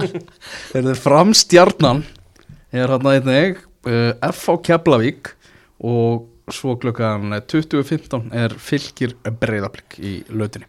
2015 tími Hva, hvernig útskýrum maður hann? Af hverju er þetta 2015 hann er bara komin í spánatíma þannig, vitið það, eða er er, er einhver leikur klúna 6 Já, það er IPVF Víkingur. Þetta er svona double header feelingur. Vel gert, já, eins og sé, ég er ánað með þetta. Á 2015 þessi nýju leiktími hann er að falla vel í, vel, vel í kramið sko. Þessi þáttur er, er alls ekki búinn því að nú ætlum við að vinda okkur í lengju deildina Innkastið. Fótbolti.net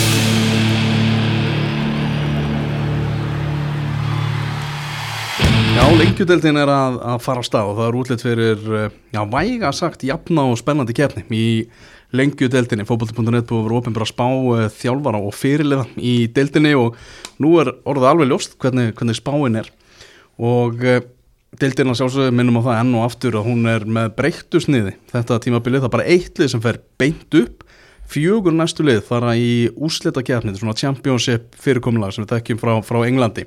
Þar sem að liðið mætast heima og að heiman í undanúslitum og svo er eitt stakur úslitaleikur um hitt lausa sæti þannig að liðið sem þetta er í fymta sæti í lengjutendinni er að fara í uh, playoffs. Hvernig líst þér á það, Valur? Eh, mér, mér finnst þetta svona galið eh, hérna, Þú veist ekki einnig það? nei, þú veist, það eru sex lið í Champions sem þú nefndir sem fara í, í playoffs, er ekki rétt hjá mér, eða þú veist Fjögur lið. fjögur lið, Já. tvö sem var bent upp Mm. og það eru 22 lið í deild held ég Mm. við erum með 12 lið í deild og 5 að með að sensa á að fara upp í lokin þetta er hvað 40% eh, mér finnst það, mér skrítið en ég skal samt viðkynna það að ég sem leiknismæður að þú veist, að þegar með við svona hvar ég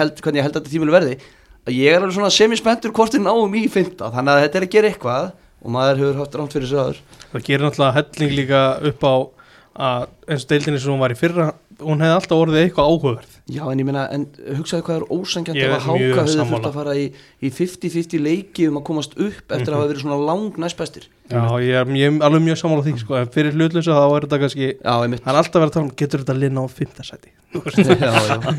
Já, það er aðeins öðruvísi umræða í kringum þetta núna. Hvað, hvað spilaði þú marga leiki í fyrstu held á, á þínum leikmannumfelli?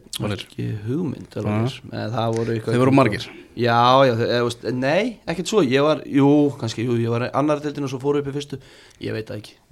60-70, það var ekki mikið meina held ég. Já, En það gerir þess að deild inn og Já, og ég er náttúrulega ég búin að þjálfa svolítið líka það Já, já, þú ert líka búin að gera það. Svo það sé að hreinu, er þetta, er þetta, þetta eru samanlög úrslit í undarúrslit þetta einvíinu Þetta er ekki, þú ert ekki að vinna tvoleiki eða eitthvað? Nei, Nei, þetta er bara- svona einví eins og mistarlinni Já, já. Já, bara einnig eins og í Það er ekki eins og í handbóltanum bara vorst að vinna 2-1 eða? Nei, nei, Það var helviti það er að áhuga Nei, Nei, Ok, já, hvað, gerist með lengjutildin á næsta ári? Kannski fáum við, þannig kannski ekki verið komið til en við ætlum að fara bara í toppsætið eh, liðinu sem er spáð efsta sæti deildarinnar og þar með beint upp og það er það bara kemur ekki óvart þegar að skoðu eru þessi, þessi tóliðir náttúrulega skamin áður verið í þessari deild og þeir eru alltaf stóru strákarnir þegar þeir eru að spila í, í þessari deild Já, ekki spurning og fenguð Arnón Smára fyrir tímabil sem er spennandi að sjá hvernig hann mun hjálpa liðinu, bæði inn á vellinum og, og fyrir utan hann. Og, og ég sem markmannstjálfur og fyrir þetta markmann er mjög spenntur að sjá Adam Arnó í, í fyrstudildinni eða lengjudildinni ég held að það sé mjög gott fyrir hann að fá tímabil þar og ég held að hann veri mjög góður í, í, í sumar. Og veist, þetta er ekki óeðlileg spá. Þú veist, er, eru þið búin að missa eitthvað rosalega mikið frá því fyrir að þú veist Nei. Ég bara, já, þetta er ekki óeðlileg spá og Þú veist að Átninsnaður, Aron Bjarki Eithor Völer, Oliver Stefánsson vissan, vissan alltaf Eithor Völer En við segið þú völu sem er auðvitað hjút Mhm. Það er alveg rosalega stert Já, svo hendur náttúrulega öllum útlendingunum í burtu náttúrulega. en- sem að gerði ekki nei, mikið fyrir það. nei. Þannig að það hafa alveg svona verið, verið breytingar hjá, hjá skaganum Já, reyndar, þetta er meira en hjæltin þetta sko, ég skal viðkynna það en, en skaganum var ekkert en alltaf að vera, mér fannst alltaf vera að fara að spá þeim þarna á topnum Já, Þú veist, Og þeir eru held ég alveg nokkuð samfærandi svona í stígagjöfni að þjálfarar og fyrirlegar þeir voru að spá þeim bara samfærandi eftir sæti að, já. Þannig að það er nú ímsir spennandi leikmenn ungir spennandi leikmenn hana í, í skagaliðinu Já, yngri bræður líka. Já, yngri bræðir það eru, á skaganum eru fótbolta ættir, það var skemmtilegu listi sem að Arnar Laufdal kom með í, í morgun, tíu ungir og spennandi til að fylgjast með í, í lengjudeldinni og á þeim lista eru tveir leikmenn í að það er Haukur Andri Haraldsson sem er náttúrulega Mhm. litli bróður Hákons Arnars og, og Tryggvar Raps uh, 2005 mótel og síðan er það svonur Jóa Kalla Daniel Ingi Jóhannesson Mhm. sem er auðvitað bró, yngri bróður Ísaks Bergmanns þannig að það eru hann að fótballtættir og þetta eru, þetta eru spennandi leikmenn og mm, kannski bara fínt fyrir þeirra þróun að, að, að vera í skagaliðinu í fyrstu deildinni þar sem þeir fá starra hlutverk vantarlega og, og svona geta gert fleiri mistök og svona þegar það vera að móta. Það er bara ekki spurning og ég svo haug náttúrulega í- fyrir hans í, í afstöldunum, ég veist hann bara virkilega sprækur og, og þar, þannig að ég er hjartan að sammála þetta verður mjög, þetta er kannski bara fínt fyrir þá að, að fá þetta og það hefur verið lenskan upp á skaga uh, bara að, að hlúa að yngri leikmunum og byggja þetta svolítið upp að innan þú veist, og lang flestir eru sáttu við það þarna. Og þá er, þú veist, og og ég er bara hrifin af því eins og þú segir þetta eru mikla rættir þarna og þeir að leiða þeim að spila og þroskast og, og, og blómstra sko. að fá þetta þá erum við að tala um að haugur er væntalega að fara að fá að byrja mótið, fá að vera bara byrjunlýst maður Mhm. sem er náttúrulega eitthvað sem að er, hefði verið svona kannski svolítið djúb djúb hérna laug að þetta hefði verið í efstu dild Já, en, en ég held að það sé 2005 mótel þannig að það er svona já, ef þú farið inn í móti í bestu dildinni með 2005 svona einn af þremur á miðju það er svona, já ok, það er, þú veist Káur er að reyna það núna en, en þú veist þetta hefur samt alveg verið talsett dýbri lög að gera það og, og fullt af möguleikum væntalega fyrir Daniel að koma inn á sérstaklega í leikjum í byrjun sko. Mm. Eitt af það sem er svona skemmtilegt við, við í að það er bæjarfélagið heldur allt með fótballtaliðinu og það er eiginlega bara nánast sami svona kjarni á skagaleikjum í, í sama hvaða deltir eru. Já, ekki spurning, maður fann fyrir því bara þegar maður spilaði hvaða del sem er, það mæta alltaf ykkur svona kjarni. Mm -hmm. uh, og þú veist, ef það gengur við hér, sérstaklega, þá náttúrulega er hörku stemning og allt, allt bæjarfélag á bakvið á en svo getur líka verið erfitt að það gengur illa. Mhm. Ég held að það veri klúkt hjá að ná í skagamenn heim. Já, þeir fengu Arnór Smárasson svo fá þeir Arleif Hjörleifs sem að var í yngri flokkun skagans og, og Hákon Ingi Einarsson sem er skagamæður þetta er svona, og Indri áki ofan á það sem ekki alveg til á skagan Mhm. þetta, og hann er úrvast þetta leik hann er bestu þetta leikmann já, já, sem er bara frábært fyrir að fá svona leikmann inn í liði sko. já það er mjög klót hjá einmitt, Indriði Bárbjörn standi mjög Já, og ég sammála því og þeir eru byggjit á sínu gildum og, og sínum mönnum og, og þá er líka eins og þú segir Elvar, þú veist, þá er svo auðvelt að fá bæjarfélagið með þér. Og þannig byggir þú svolítið upp stemninguna byggir þetta innanfrá og ert ekki með endalust af bara með fylgurinn útlendingum og utan, utan, utan bæðum ég held að það hefur líka verið smá plotti því að búið til smá auka st- stemningu að var að tilkynna Björn Bergmann hann á Já, lokaði Björn félagskeptaklubs Já, Það er alltaf bara að vera með skaga hjarta Já, alla leið og, og fá bæjarfélagi með og, og drífa liðið bara upp um deild beint aftur, Já, beint já. aftur. Já, ég er smá ágjur að varnarleiknum hjá þeim ennþá. Og þú veist, við hefum eftir að sjá átnamarinn og bara, veist, eiga heilt geggja tíma já, já, og þess að segja í lengjudildinni Þeir er, fengu Pontus lengri núna til þess að hjálpa sér í vörðina þeir búið að vera bras á miðvörðuna þeirra. Mhm, hann og Jóhannes Val munum vantilega að byrja móti held ég. Mhm, sem að er, það er áhverð miðvörðar já, við bara eftir að sjá hvernig það fungerar það er bara þannig. Mm uh, Í öðru sæti þessar spál með samkvæmt uh, þjálfurum og, og fyrirlöfum Grindavík sem enda þá í þessu svekkjandi öðru sæti með við segja. Uh, spæða sæti sem eru alltaf gefið hinga til sæti í efstu deild en mun núna gefa umspilsæti uh, Grindvíkingar svo allir vita að það hefur verið að tjálta öllu til og, og jafnvel meiru en það. Nánast gjörbreytlið frá því á síðasta tímabili. Helgi Sigursson komin hann að treysta á hann því að hann hefur já, komið liðum áður upp úr þessari deild og er svona vanur því að vera með svona kanonulið í, í lengjudeildinni. Og þetta er svo sannarlega kanonulið sem að þeir eru með þetta heldur betur, valin maður í hverju rúmi. Og það er, mér finnst vera stærsta spurningamarki er bara, bara hlaupa geta Já. á mönnum. Þetta eru margir reynslu miklu leikmenn og það er maður tók eftir svona í vetur var smá umræðum að hvort þeir gætu ná, ná að hlaupa bara nógu mikið en ég heldur reddi sér sko. Já, þeir eru líka voru að fá okkur utan sem er skilst að sé með góða hlaupagetu þarna til að styðja þessa eldri, Mhm. eldri menn. Ég Já, meina, þú veist, Óskar Örn og, og þessir gæjar, en ég meina við sáum úti afturhaldíku byggarnum að Óskar Örn og það er bara sleggju sem að vinna leikin fyrir þá 1-0 Já. og þetta er það sem að þeir hafa í þessum gæjum. Þetta er svo rosalega gæð og þetta er svo rosalega reynsla að þeir geta bara klára leiki líku við bara allt í einu. Kannski sjást ekki heilu leikina og svo bara klára þeirra og, hérna, og eins og segir, þessi listi sem eru búin að fá þetta er alveg alvöru leikmenn og, og, og, og stór nöfn en það er líka ágætis pressa á þeim að fara upp. Mhm. Óskar Örn, Gauði Lýðs og Einar Karl allir í, í sama fótballtaliðinu geta alveg sparkað í bolta. Já. Já, það er ágætið spyndutakinn þarna. Já, já svo, svo fengu er bara núna svolítið nýlega mána frá hérna FH það er fínt að nei, hafa nei, nei, þeir eru með bróður hans dag. Já, Máni fór í fjölni. Máni fór í fjölni fyrir ekki ekkert mál. Við fengu Gult. Já, við fengu, já, það er guld, grindaði Já, Máni fór í fjölni, svo er ég eruglega Þá er þessi punktu döður.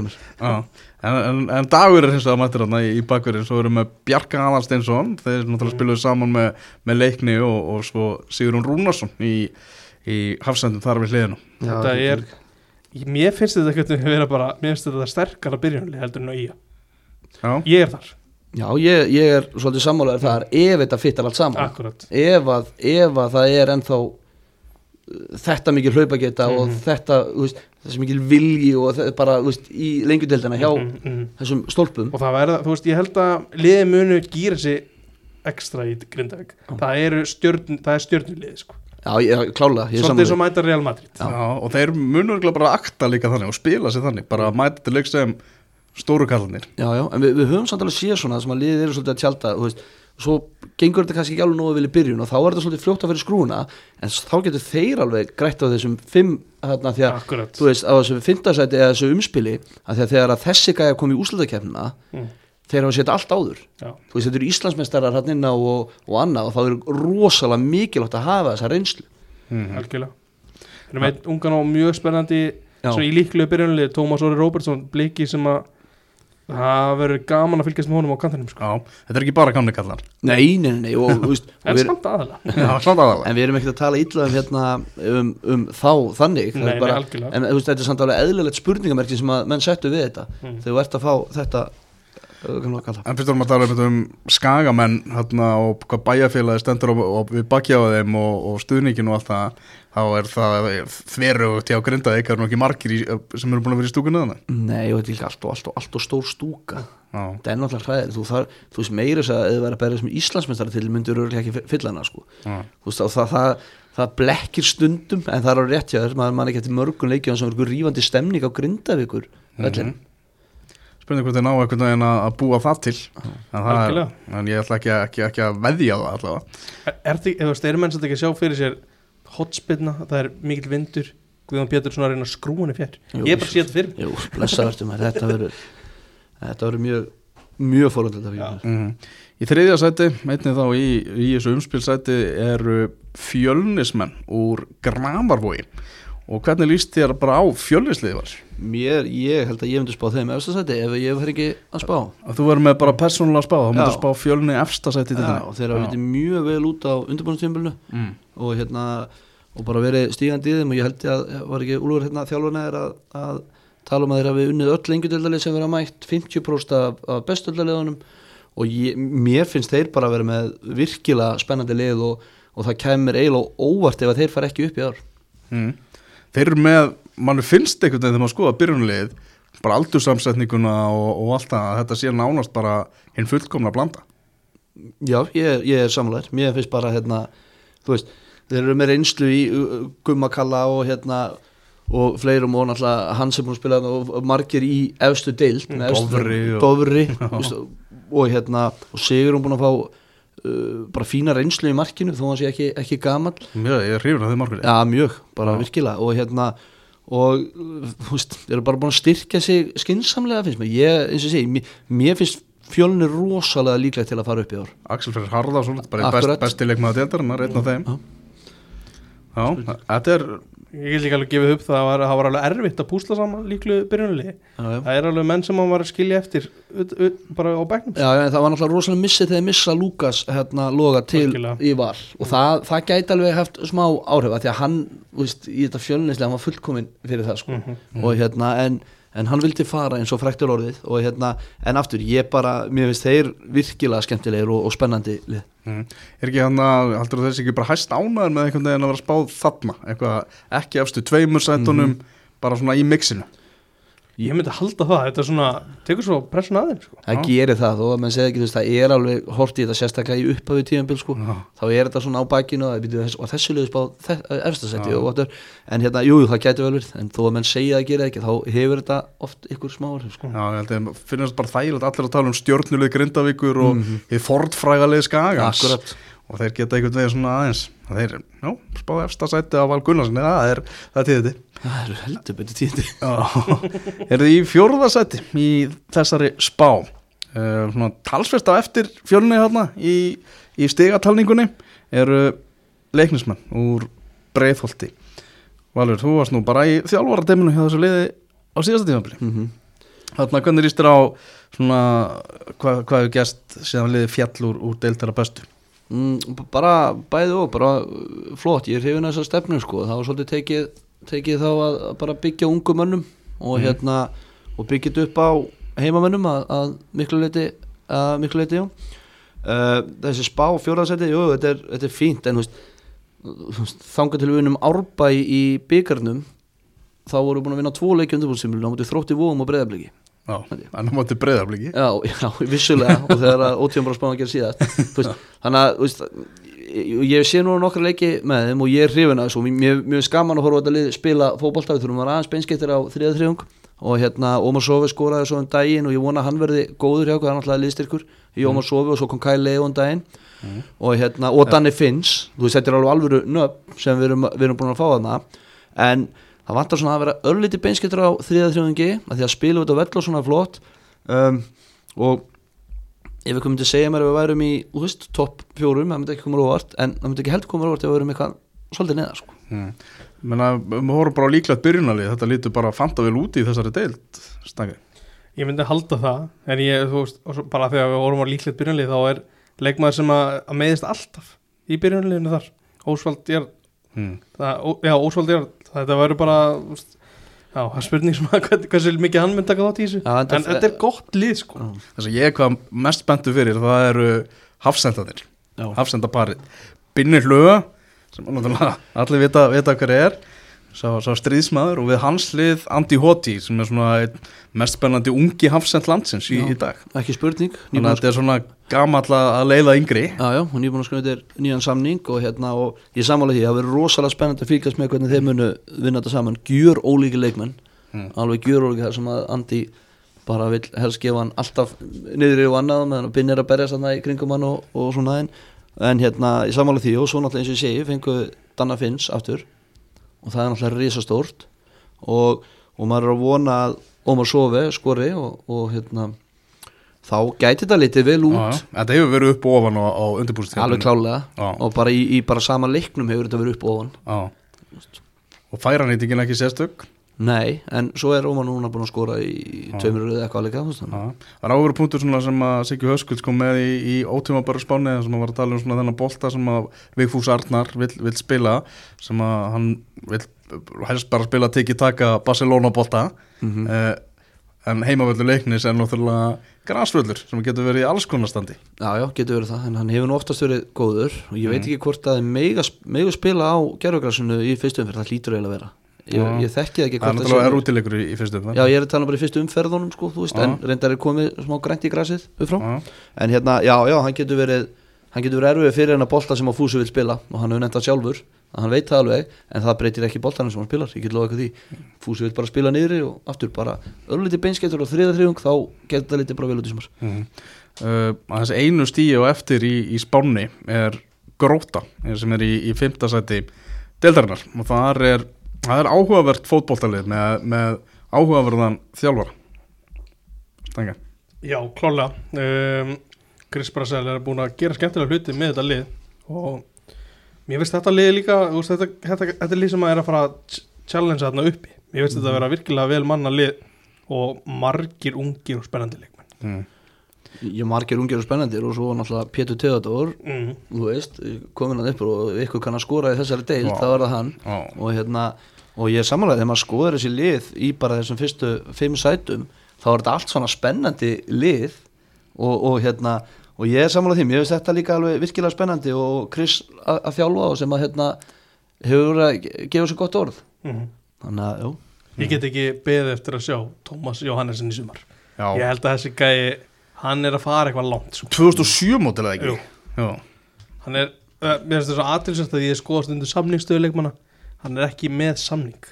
Og ég veit ekki hvort að það sé bara því að hann vilja bara geta komist hvert sem hann er hvert sem er þegar hann vill sko. Já ok, það er mjög Já. hann er að vera 6, ég veit ekki hvort það sé orðin 16 ára hann er allavega á 16 aldrei Bara má gera sálvíku snúka stráka já, það má, þetta Já, hann er er eitthvað taktík sko. Já, það er eitthvað. Hann já ég sá hann í byggjartum á móti, móti vestra. Það eru, það eru hæfileikar í, í þessum unga strák. Já, klárlega. Og um, svo eru, þú veist svo bara, þú veist, 19 landslismennan Sigur Steinar og Arnar Númi það eru fleiri sko. Og þeir hafa verið að ná bara fullt af úrslitum á undirbúinstíðabilinu á móti liðum í bestu dildinni já, akkurat. Þrátt fyrir að einhvern veginn hafa þurft að smíða svona nýja sóknarlínu og allt það þá er ennþá bara það er greinilega allir með sitt hlutverk undir stjórn Chris Brassel algjörlega tæri Akkurat og svo eins og nefndi með hérna að fá samfélagið bak við sig þá er bara oft diggur stundismannahópur hérna hjá gróttu sem að, og með stemningu kringum liðið og sáum það bara þegar þið fóru upp hérna þegar engið þegar Óskar og, og, og hérna, Dóri voru með á þá áttu engin vonaði og úst, maður veit ekki, kannski þetta er eitthvað svona gýr og verða bara að gera sér gildandi hérna á, toppnum sko. Já, þetta er uh, Chris Brassel hérna, er svona kannski aðeins að, að stilla sig betur í, í, í, í sínum samskiptum við dómara og, og annað slíkt. En þetta er hérna þjálfari sem greinilega ætla sér lengra og hann allar með þetta lið bara upp. Já, já, ég meina ég heiti leikmann þeim í fyrra held ég og hann fullitt að vera með besta þjálfur í Íslandi. Og veist, þetta er þeir alveg byrjum honum vel söguna og það er mikið á hann og látið þarna. Og já, mér skilst að þeir séu með háleit markmiði sumar. Mm og fimmtasæti mun skila þeim umspilsæti sem að gera þá verkum að þá eru þeir þremur leikjum frá því að komast upp í, í deildara bestu. En í sjötta sæti aftur elding. Og ég veit það vel að, að Maggi ætla sér að enda allavega sæti ofan en þetta. Ég sæti það tvei með þremur sko. Bara mér finnst bara, og mér finnst hann að hafa alveg ástæðu til þess að, að ætla sér það. Þetta er bara virkilega skemmtileg hlið. Spennandi, spila góðan bolta. Maður gerir gera frábæra hluti þarna og, og þegar maður tala við hana þá finnst maður bara að vera freka bjartsitt fyrir tíðanbilið Já, og risa stórt náttúrulega að Rasmus nokkur Kristjansen sem mættur hérna í, í, í vörnina hjá þeim. Þetta er náttúrulega maður sem er bara, svona, getum talað um að tala um Aron Einars í svona, svona tenging þjálfarans inn á vellinum. Bara Rasmus er, er þannig, þannig gaur á þessu leveli. síðast þegar hann var í þessari deild var hann þá, var hann þá ekki bara besti maður deildarinnar þegar hann var í fjölni Jú, þannig að Jú. ákvæmst er einslega á þessari deild Ég sammála því, en þú veist að hann er samt orðin 33, hann verður 34 á þessu ári Mm. þannig að spurning hvað er eftir og það, ég er sammála, mér finnst hann alveg hann er gríðalega mikilvægur og bara ég fullir það að fjölunir ekki farið upp eða hann ekki farið til að hérna um árið. Mhm. og kann allt í þessari deild. En hann er samt að eldast, það má ekki, má ekki glemma því. Já, já, en með auðvitað hann var skilur í fyrra að er hann komin í munlakari deild núna. Já, já, já. Jú, það er alveg rétt. Já, en Andri á Flandri mættur hann aftur í, í, í sóknarleikin það er nóg af mönnum sem geta skorað. Arnur Gauti. Arnur Gauti, Gauti kom inn aftur og náttúrulega Áskil Martins. Ég, þetta er bara virkilega spennandi lið með spennandi þjálfara sem spila skemmtilegan Þú veist að það er bara nákvæmlega og svo voru að fá þarna úkrænumanni í markið Mhm. skilst mér sem að þeir voru ekki lengi að semja við þegar hann kom ekki, því hvað þið gerði áður en hann kom en hann, mér skilst að hann hafi bara heillað strax og ég sá hann í leikum daginn og hann Ok. lúkaði bara vel á móti leikni. Hann er alltaf með svaka lúka á, myndum það er ekki að segja hann að þú veist, hann lúkaði vel og var vel talandi og svona og hérna, að því að afturhaldingu verðist alltaf að vera með útlendingi í markinu núna og bara þeir hitt á hann þá finnst mér bara til alls líklegir og það kemur mér svolítið óvart hvað er með spáð neðarlega við erum alveg hinskilin, Já, fyrir, þú veist, hvaða lið ætti að vera fyrir neðan og af þeim sem er fyrir ofan? Leiknir. Já. eða þú veist, ég meina, ég horfði á leikni afturhaldingu daginn, það sem afturhaldingu var mikið betra það var ekki góðu leikur á leikni, það fór 1-1 en Já. afturhaldingu var betra, mm þú veist og ég held að ég myndi hugsanlega setja á fyrir ofan þá í minni spá allavega. Mm. að það er náttúrulega þegar veðrið er gott og maður er í, í, á varmórvelli í Mósesbæði með, með bingo kúlunar og afturölding er að spila þetta Já, bara næsir, bara, bara kæfa andæðingin upp við kaðlana. Það er einhvern veginn, það er eitthvað sjarmerandi við þessa fótbolladagar sko. ég ekki spurning með góða borgara og hérna, Já, og frábæra umgjörð. Frábæra umgjör bara og Aron Eli fer ekki aftar en fremsti þriðjungur Nei, sem bakur er. Já, talandi um líkilmann, þá er hann alltaf bara hann er rosalega góður í, í þessari deild og, og Aron Eli hefur vaksið rosalega sem leikmaður undanferðin ár. Það er höfnuðu bara mörgum tilbúðum hætti frá val í hann sko. Höfnuðu tilbúðum í hann sko. Já, það er frá val, Já. já, áhverst Vestri í sjönda seti í þessari spá. Og ég veit að fá félög voru jafn fylgjandi þessari breytingu á mótafyrirkomuleginu því að vestramennu langar svo sannlega að dansa aðeins í, í deiltera bestu eru þeir með nægilega gott lið til að gera það stengja? sko þetta byrjunarlið hjá þeim bara eins og hjá öllum hínum fyrir ofan finnst mér bara, bara mjög gott sko. Það er engin Nikolai Madsen lengur. Nei, já, svona vanta kannski Já, spurði ég með töfrana sem að fara, þú veist, í honum. Já, þarna er bara með gauður nánast á dönsku úrvalsleitarlefili sko. Já, spila í lengjutöldun í Ísland. Það er eiginlega pínu bilað, sko. Já. Bara mjög bilað. En, Og já, veist Þeir hafa svona eitthvað megin Mér finnst þeir hafa styrts í, í svona, þú veist Nokkru stöðum En þarna fyrir mig og að segja Þetta, er, þetta var eitt besti leikmaður deildarinnar. Og ég mögulega sá hæfileikar í gæsti, sko. Mm. náttúrulega svo erfitt að spá fyrir um vestra fyrir tímabila því að þeir náttúrulega hafa alltaf getað æft í vetur. Og þetta er svo, er svo þarna einhvern veginn og þeir, maður veit ekki hvað þeir eru en bara maður horfur á byrjunarlið þeir eru með náttúrulega marga útlendinga bara Já, tveir íslenskir í, í líklegu byrjunlega Já, þú sér það. Og þú veist, þá máli gera kröfur á svoleiðislið geri hluti. Já. og ég, ég, ég, held að, ég held að hvað eru við komin í sjöndasetti það væri mikil vondbriði fyrir vestramenn en í sjöndasetti og svo er náttúrulega Davís Már að, að, að þjálfa þarna, þetta lið annað en kórdrengi í fyrsta skipti. Það verið mjög forunald að fylgjast með hvernig það fer. Og hann hefur talað sjálfur um það að þetta sé mikill lærtómur sem hann er að uh, lenda í eða fá núna og bara með hvernig hann hefur verið hjá kórdrengjum og hvernig hann er að rífa svona með sér og annað þá er virkilega spennandi að fylgjast með hvernig það verður hjá Davíð í, í sumar. Mér fannst ég heyra slúðisögu á dögunum um að þeir hefðu gert ein félagskipti viðbót sem að bara á eftir að fá hérna íslenska leikjumöld það verið FIFA-skiptina hefði verið Það er í bara, ferli. er bara í kerfinu. Mér, mér fannst ég þessu okay. það á bara eftir að koma í ljós. Já, ok. Já. þannig að það er einn Það mögulega í viðbót. Það kemur hann ekki óvart sko. Þannig að ég sá, sá aðeins þannig á móti gróttu á svona ekkert allt, allt og góðu leikur hjá þeim þar í, í byggarnum en, en maður sá það að Davís Mári strax búin að setja svona sitt handbragð á, á liðið. Já, já, ég, og ég er alveg samfærið það að, að vestraliði fyrstu þrjárum fyrir að vera ekki það sama og eftir, Mhm. eftir það. Mhm. Ég held að taki á smá tíma að svona spila sér saman og, og koma sér í svona, já, bara leikaæfingu saman einhvern veginn. bara við sem komum hérna niður í vestra í sjöndasæti Já.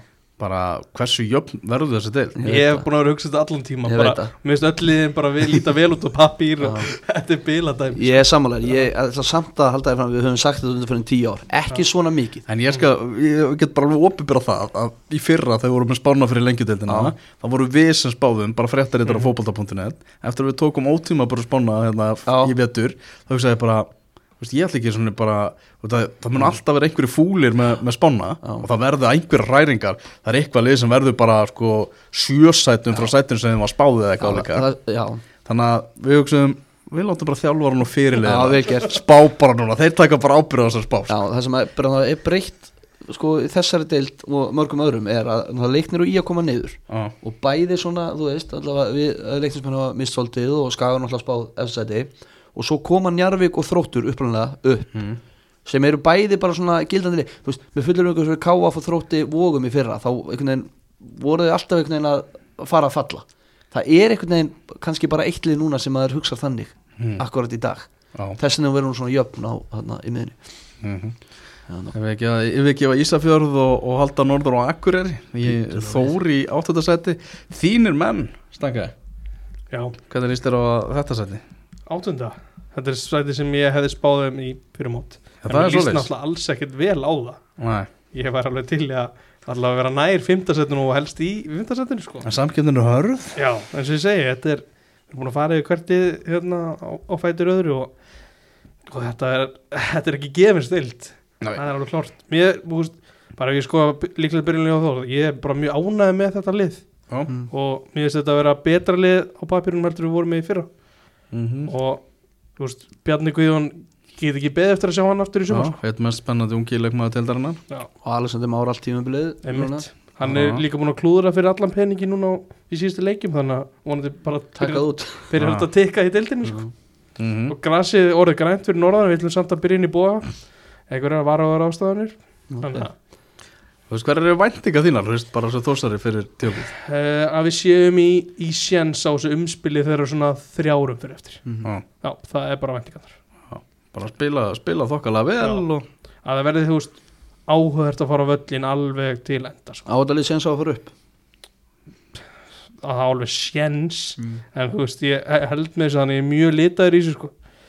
uh, en ég, þú veist, þetta lið ég hef vestu deild guðminn góður, skilur er þetta lið alveg sjens að fara veist, gera tilkall, sko? Já, já, en þá þyrfti að fara að- að vinna og styrkja hópin já, veist, það er, það er alveg mér finnst alveg sínilega að brota lamir, það er svona, það er svona ekki mikil breyti í sumum stöðum en það eru menn sem að geta komið inn á já, á, kantana það er svona. Það væri slæmt ef allir sem þetta mál fyrir eitthvað dett út og, og hafsendar sko.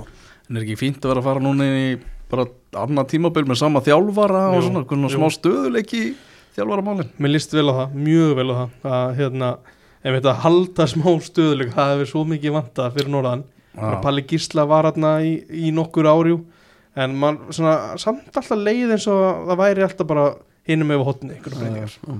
Eru menn ánæði með Þorlok fyrir norðan? þetta er sem, ég finnst svona langt flestum já, það er einhverja svona yfir samtæðar rættir sem ég heyri einhverstaðar út undan mér en bara langt flestum, ég finnst hann koma vel fyrir og veist, veit alveg hvað hann vill og hann er búin að gera mjög flotta hluti í kringum ungu leikmenni sem, að, sem að hefur verið kallað eftir. Og það er miklu betra skipulag á öllu finnst mér innan félagsins. Mhm. Í nýjönda seti í deildinni þrátt fyrir að já, vera nýliðar og, og ég veit að þeir eru ekkert þeir að horfa ofar heldur en þetta seti akkur, akkurat núna. Njarðvíkingar sem að já, hafa tekið eftir að hafa komist upp undir stjórn Bjarnar Jó tóku stefnubreitingu og reyðu nýja þjálfara og ólíka þjálfara í Arnari Hallsinni sem að var reynda búin að hætta þjálfur hann bara nokkru mánuðum á, á undan. Og opinberða það í við til að já, hann ákvað að snýri skell- aftur. ske- snúa aftur, skellti sér í, í slægin og, og njarðvíkingar þeir hafa heldur betur ég laði látið til sín taka á, á leikmannamarkan Já, ekki spurning, er ekki bara með spennandi leikmann hérna, hann sem voru bara fréttir á æfingu fyrst þegar hann mætti hérna frá, hvað hérna hann, Lukman Hakim. Hakim. Það var nokkuð að minna hist frá honum. Það verður ekkert er það áttur náttúrulega að koma mikið eitthvað svona social media content samfélagsmiðla efni en já, Malasíu búar binda stórkostlegar vonir við, við hennar leikmann það voru spennandi að sjá hvort og hann spil eitthvað. líklegur Hann er ekki á líklegur fótbolta.net Nei. en þú veist, þeir eru með bara solid, uh, bara góða markmann í Blakala hefur bara alveg góður hjá Njarvík þannig að svo erum við Markmann Gásland sem er nú með reynslu þarna. Mhm. það er orðið að sjá hann í, í þarna og Arnar er mjög skipulaði þjálfari og, og, og taktískur þjálfari þetta verður allt upp á tíu hvað það var þar geti ég ímyndað mér. Kröfuharður þjálfari líka. Ja, mjög kröfuharður og, þjálfari og kröfuharður bara ekki bara á leikmennu sína heldur umhverfið og, og, og, og, og þá sem er að vinna hann í kring eins og bara hefur sínt sig Já. bæði í Mórisbænum og Breiðoltinu ekki spurning og, hérna, og hann hefur vantalega farið inn í ef hann ætlar að koma úr retirement þá hefur hann vantalega lagt vel spil á borðin og sagt bara ég vil það hafa þetta svona, svona, svona. Mhm. og þeir hljóta bara að fara inn í tímabilið með það. Akkurat. Það hafa stækkað hópin mikið og hann hefur fengið að fá einn erlenda leikmenn já, Hann er með mjög stóran hóp. Ég held að það sé óhætt að segja það. Það eru margir á komnilistanum og talsveit færri á farnilistanum Já. sem að gefa þetta kynna að þetta er þetta við lítur út fyrir að stærri en átjómanna hópur. Þannig að það er samkefnum að vera í leikmannhópan sko. Já, en svo, svo er bara stór spurningin bara stefnubreitningin því að þeir eru að fara í allt öru þessi fótbolta, þeir voru svolítið að kreista fram úslitin og gera það vel bara voru massífir á Mhm. síðasta tímabili. Bara hvort hvernig veist, ræðu þessi leikmannahópur við svona boltana hjá, hjá Arnari Hats já og líka bara í svo, svo miklu, miklu sterkari deil náttúrulega. Það verður- það verður flott sko en já, en þeir eru stórhuga njárvíkingar og ætla sér hluti á, á næstu árum. Já. það er alveg, alveg klárt mál. Ég ætla hérna að vera hreinskilin með það að í áttunda og þó ég hef sagt að ég er með byrjun, líklega byrjunlega á Þór og svo nýjunda seti hjá Njárvík mér finnst ég sjá gæðamun hérna ok, eftir vestra. Já. ég ætla bara, ég ætla bara þar. Eftir vestra þá, eftir, eftir, eftir sjö þá kemur smá svona ef það verður skipting á deildinni, já. ég komin Já. Erum við í tíundasetti er í spáni eru selfisingar Gary Martin Gonzalo Samorano Minibussin mm. Guðmundur Tyrfingsson. Guðmundur Tyrfingsson. Allir saman. Nýji fyrirliðin, Guðmundur Tyrfingsson. Já, hann er við fyrirlaðabandinu Já.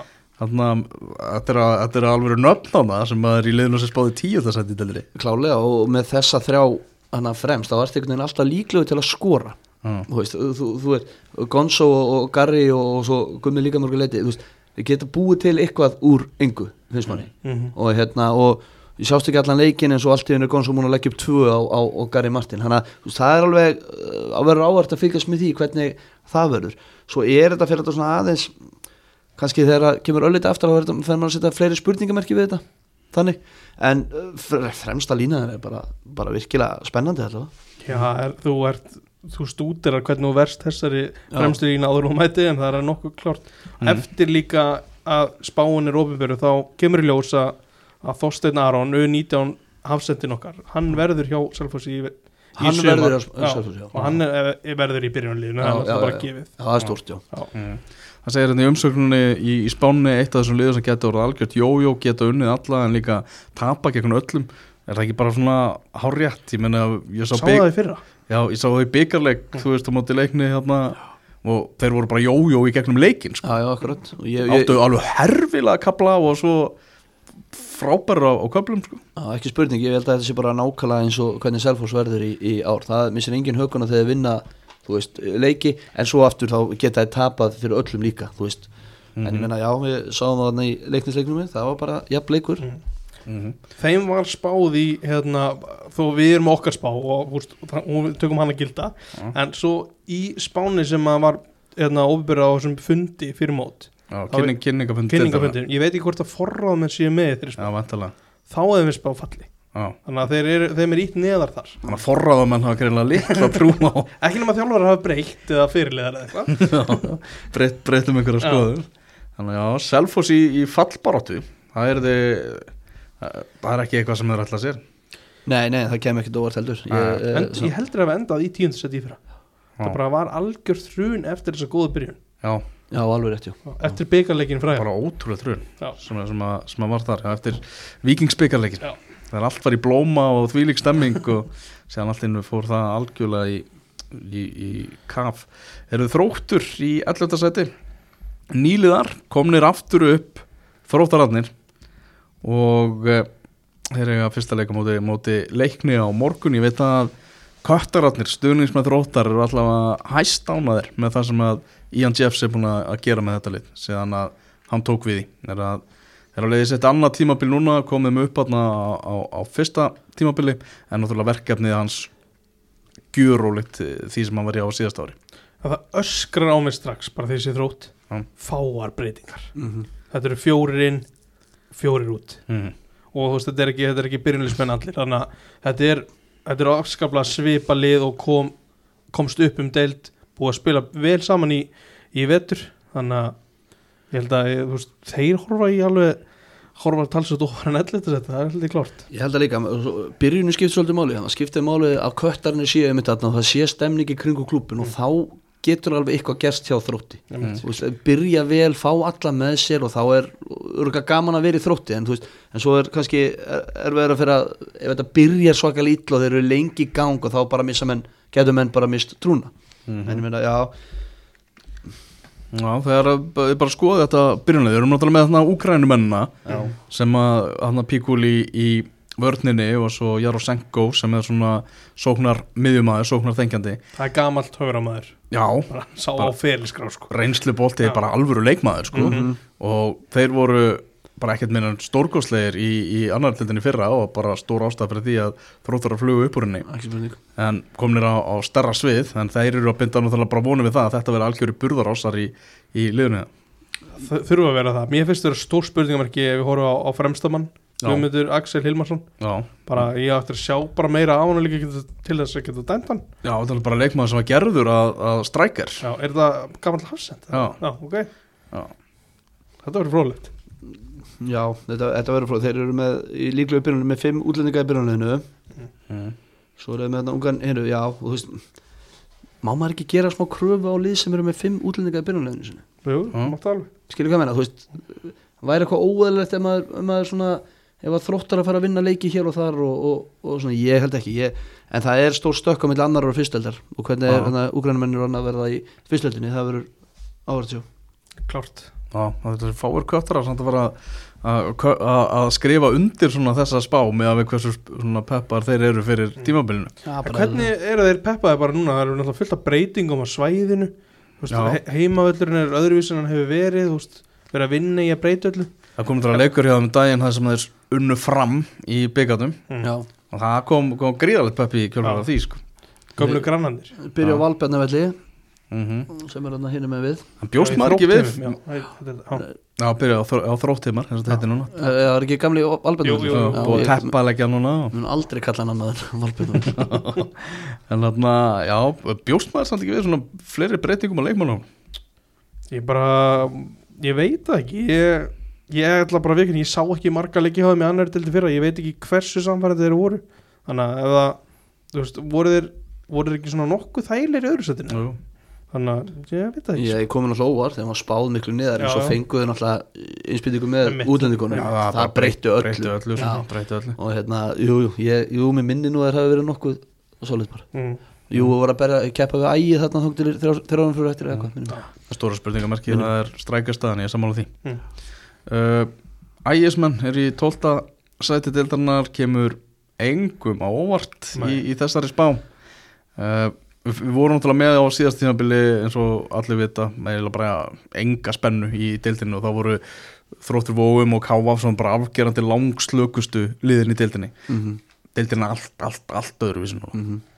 Ekki spurning, og þetta er svona liðið sem að flestir, eða bara allir spá síðast að þetta Já, þú veist En þeir eru búin að vera að styrkja sig eitthvað undanfærið þegar þeir voru að fá okkur útlingum daginn og svo, svo sá maður á móti F á í byggarnina sem lítur bara ágætlega út, Já, er bara nokkuð vel út. Já, Við já. eftir að sjá um þetta er svona lekilpunktur í þessu í haður Þeir eru búin að vera að fá inn leikmenn að þú segir styrkja sig Við hefum eftir að sjá það bara Já, hvort þetta já, sé já. styrking Já, já, að Þetta er alveg heill hellingur leikmenn sem er komin inn Já, sko. ég ætla að vona að þessi ekki að fá lélegri leikmenn til liðsins heldur Nei, en áður það- í ég þeim, sammála því. Já, og hérna, að Ég heyrði að þeir eru tekið, þú veist, æfingarleik í, út á Spáni eða eitthvað á mótið vestra þar sem að gerðu jafntefli en hefðu verið betra lið bara heilt yfir já.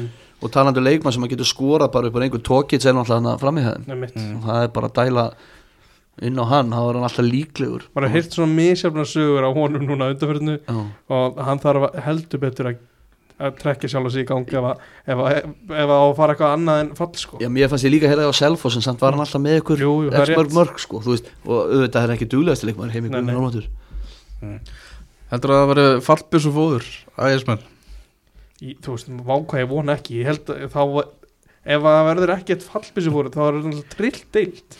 Öllu, öllu að taka bara stiga af öllum en veist fyrirfram er ægir með með lang versta liðið. Ég ætla bara að ganga svo langt að segja það sko. Mhm. Já, ég myndi bara liði í annar deildir sem kemur óvænt upp. Já, þú veist, þeir voru að tapa á móti augnabliki sannfærandi. Mm. bara fyrir hvað, einum og hálfum mán ég, vissilega voru þá ekki eins og örgla þá voru einhverja ný búin að komast að því að þeir væru mjög sennilega að fara í lengi tildina Þetta Þetta er nú það í FA-leiknum einmitt það Já. er langur vegur frá þeim leik sko. það að byrja á mjög strempnum leik þegar fjölni reyndar heima í, í Já. Þorlagsjötninni það verður eitthvað. Já, það verður eitthvað, eitthvað leikur. Skoðum bara þessa fyrstu umferð uh, Föstudagsleikindir, þá við að tala um IA Grindavík sem er að sjálfsögðu stórleikur umferðarnar Þetta er liðin sem spáðir tveimur efstu sætum Já. uh, og sam, verður hann bara að spila þar á Akransvöldi Já, það er Norður Álsvöllurinn ok, já, það er þetta góð pontur það er grasvöllur, já, Já, Já. en við sjóin.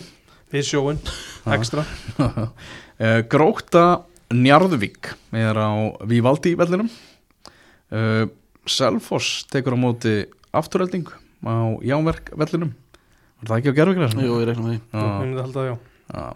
Uh, svo er þessi leikur Ægis og, og Fjölnis. Svo er það uh, þróttur gegn uh, leikni. Það er uh, Reykjavíkur slagur og eitt leikur á laugadeginum í bóganum á Akureyri. Mhm. þó svo er að byrja í bóganum þar sem að vestri kemur í, í heimsókn í landsbyðarslag heldur betur Það er svo- áhvert það er svo skemmt við fyrstum umferðin í öllum deildum það eru allir leikir áður já, Já, bara, það bara Sérstaklega að búa að fara yfir þetta Þetta verður, verður líf og, og fjör þessi deilt við erum auðvitað að fara að textalýsa öllum sem leikjum. Já, en er þetta að horfa á þetta? já ég held að Ringbraut er að byrja aftur með eitthvað sjónvarp. Já, þetta er YouTube. Það verður. YouTube, ok.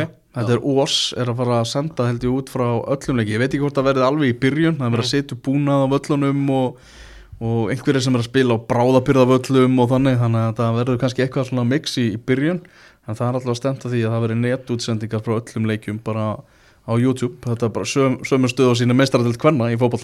og bara ókipis Já, en ég get alveg skrifa bara Þór hann að vestri og fundið leikjum bara á YouTube. Ég held að eigi var, að vera þannig. Ok, Ég var að leita í dag reyndar að einhverju svona miðstöð þar sem að var Mm. að sjá þetta og eitthvað og fann hann ekki en maður þarf það bara að leita betur. Já, þetta kemur í ljós vonandi á morgun. Já, ok, það er sann mjög áver það var hræðilegt skref þegar við vorum að borga fyrir leiki í lengjudeldinni það er bara, deildin hálf týndist. Bara geggja þú veist þegar að vera auglýsað þú veist, þú getur styrt skilur já, og auðvitað á fólk að gera það það getur já, akkurat, og ef að útsendingar eru góður þá jafnvel gera maður akkurat, Mhm. Það er þannig. Er það þessu langa innkasti lokið þar sem við fórum við 50 umferðinni í bestu deildinni og eh, hituðum upp fyrir lengjudeildina sem er að fara á stað það er svona, nú ert þú algjör íþróttanöttari mm Mhm, mhm. uh, fylgist nánast með öllu. Já.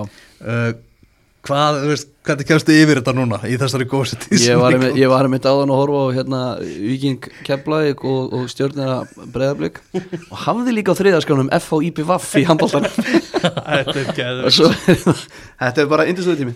Það er eitthvað tími við gerðum þetta líka allt í túlistúdíónu Já, heldur betur og, og með túlega við höndina. Rétt. Það er bara þannig, heyrðu bara takk hjá fyrir komuna Valur og, og yngastið verður að sjálfsög og daskara eftir næstu.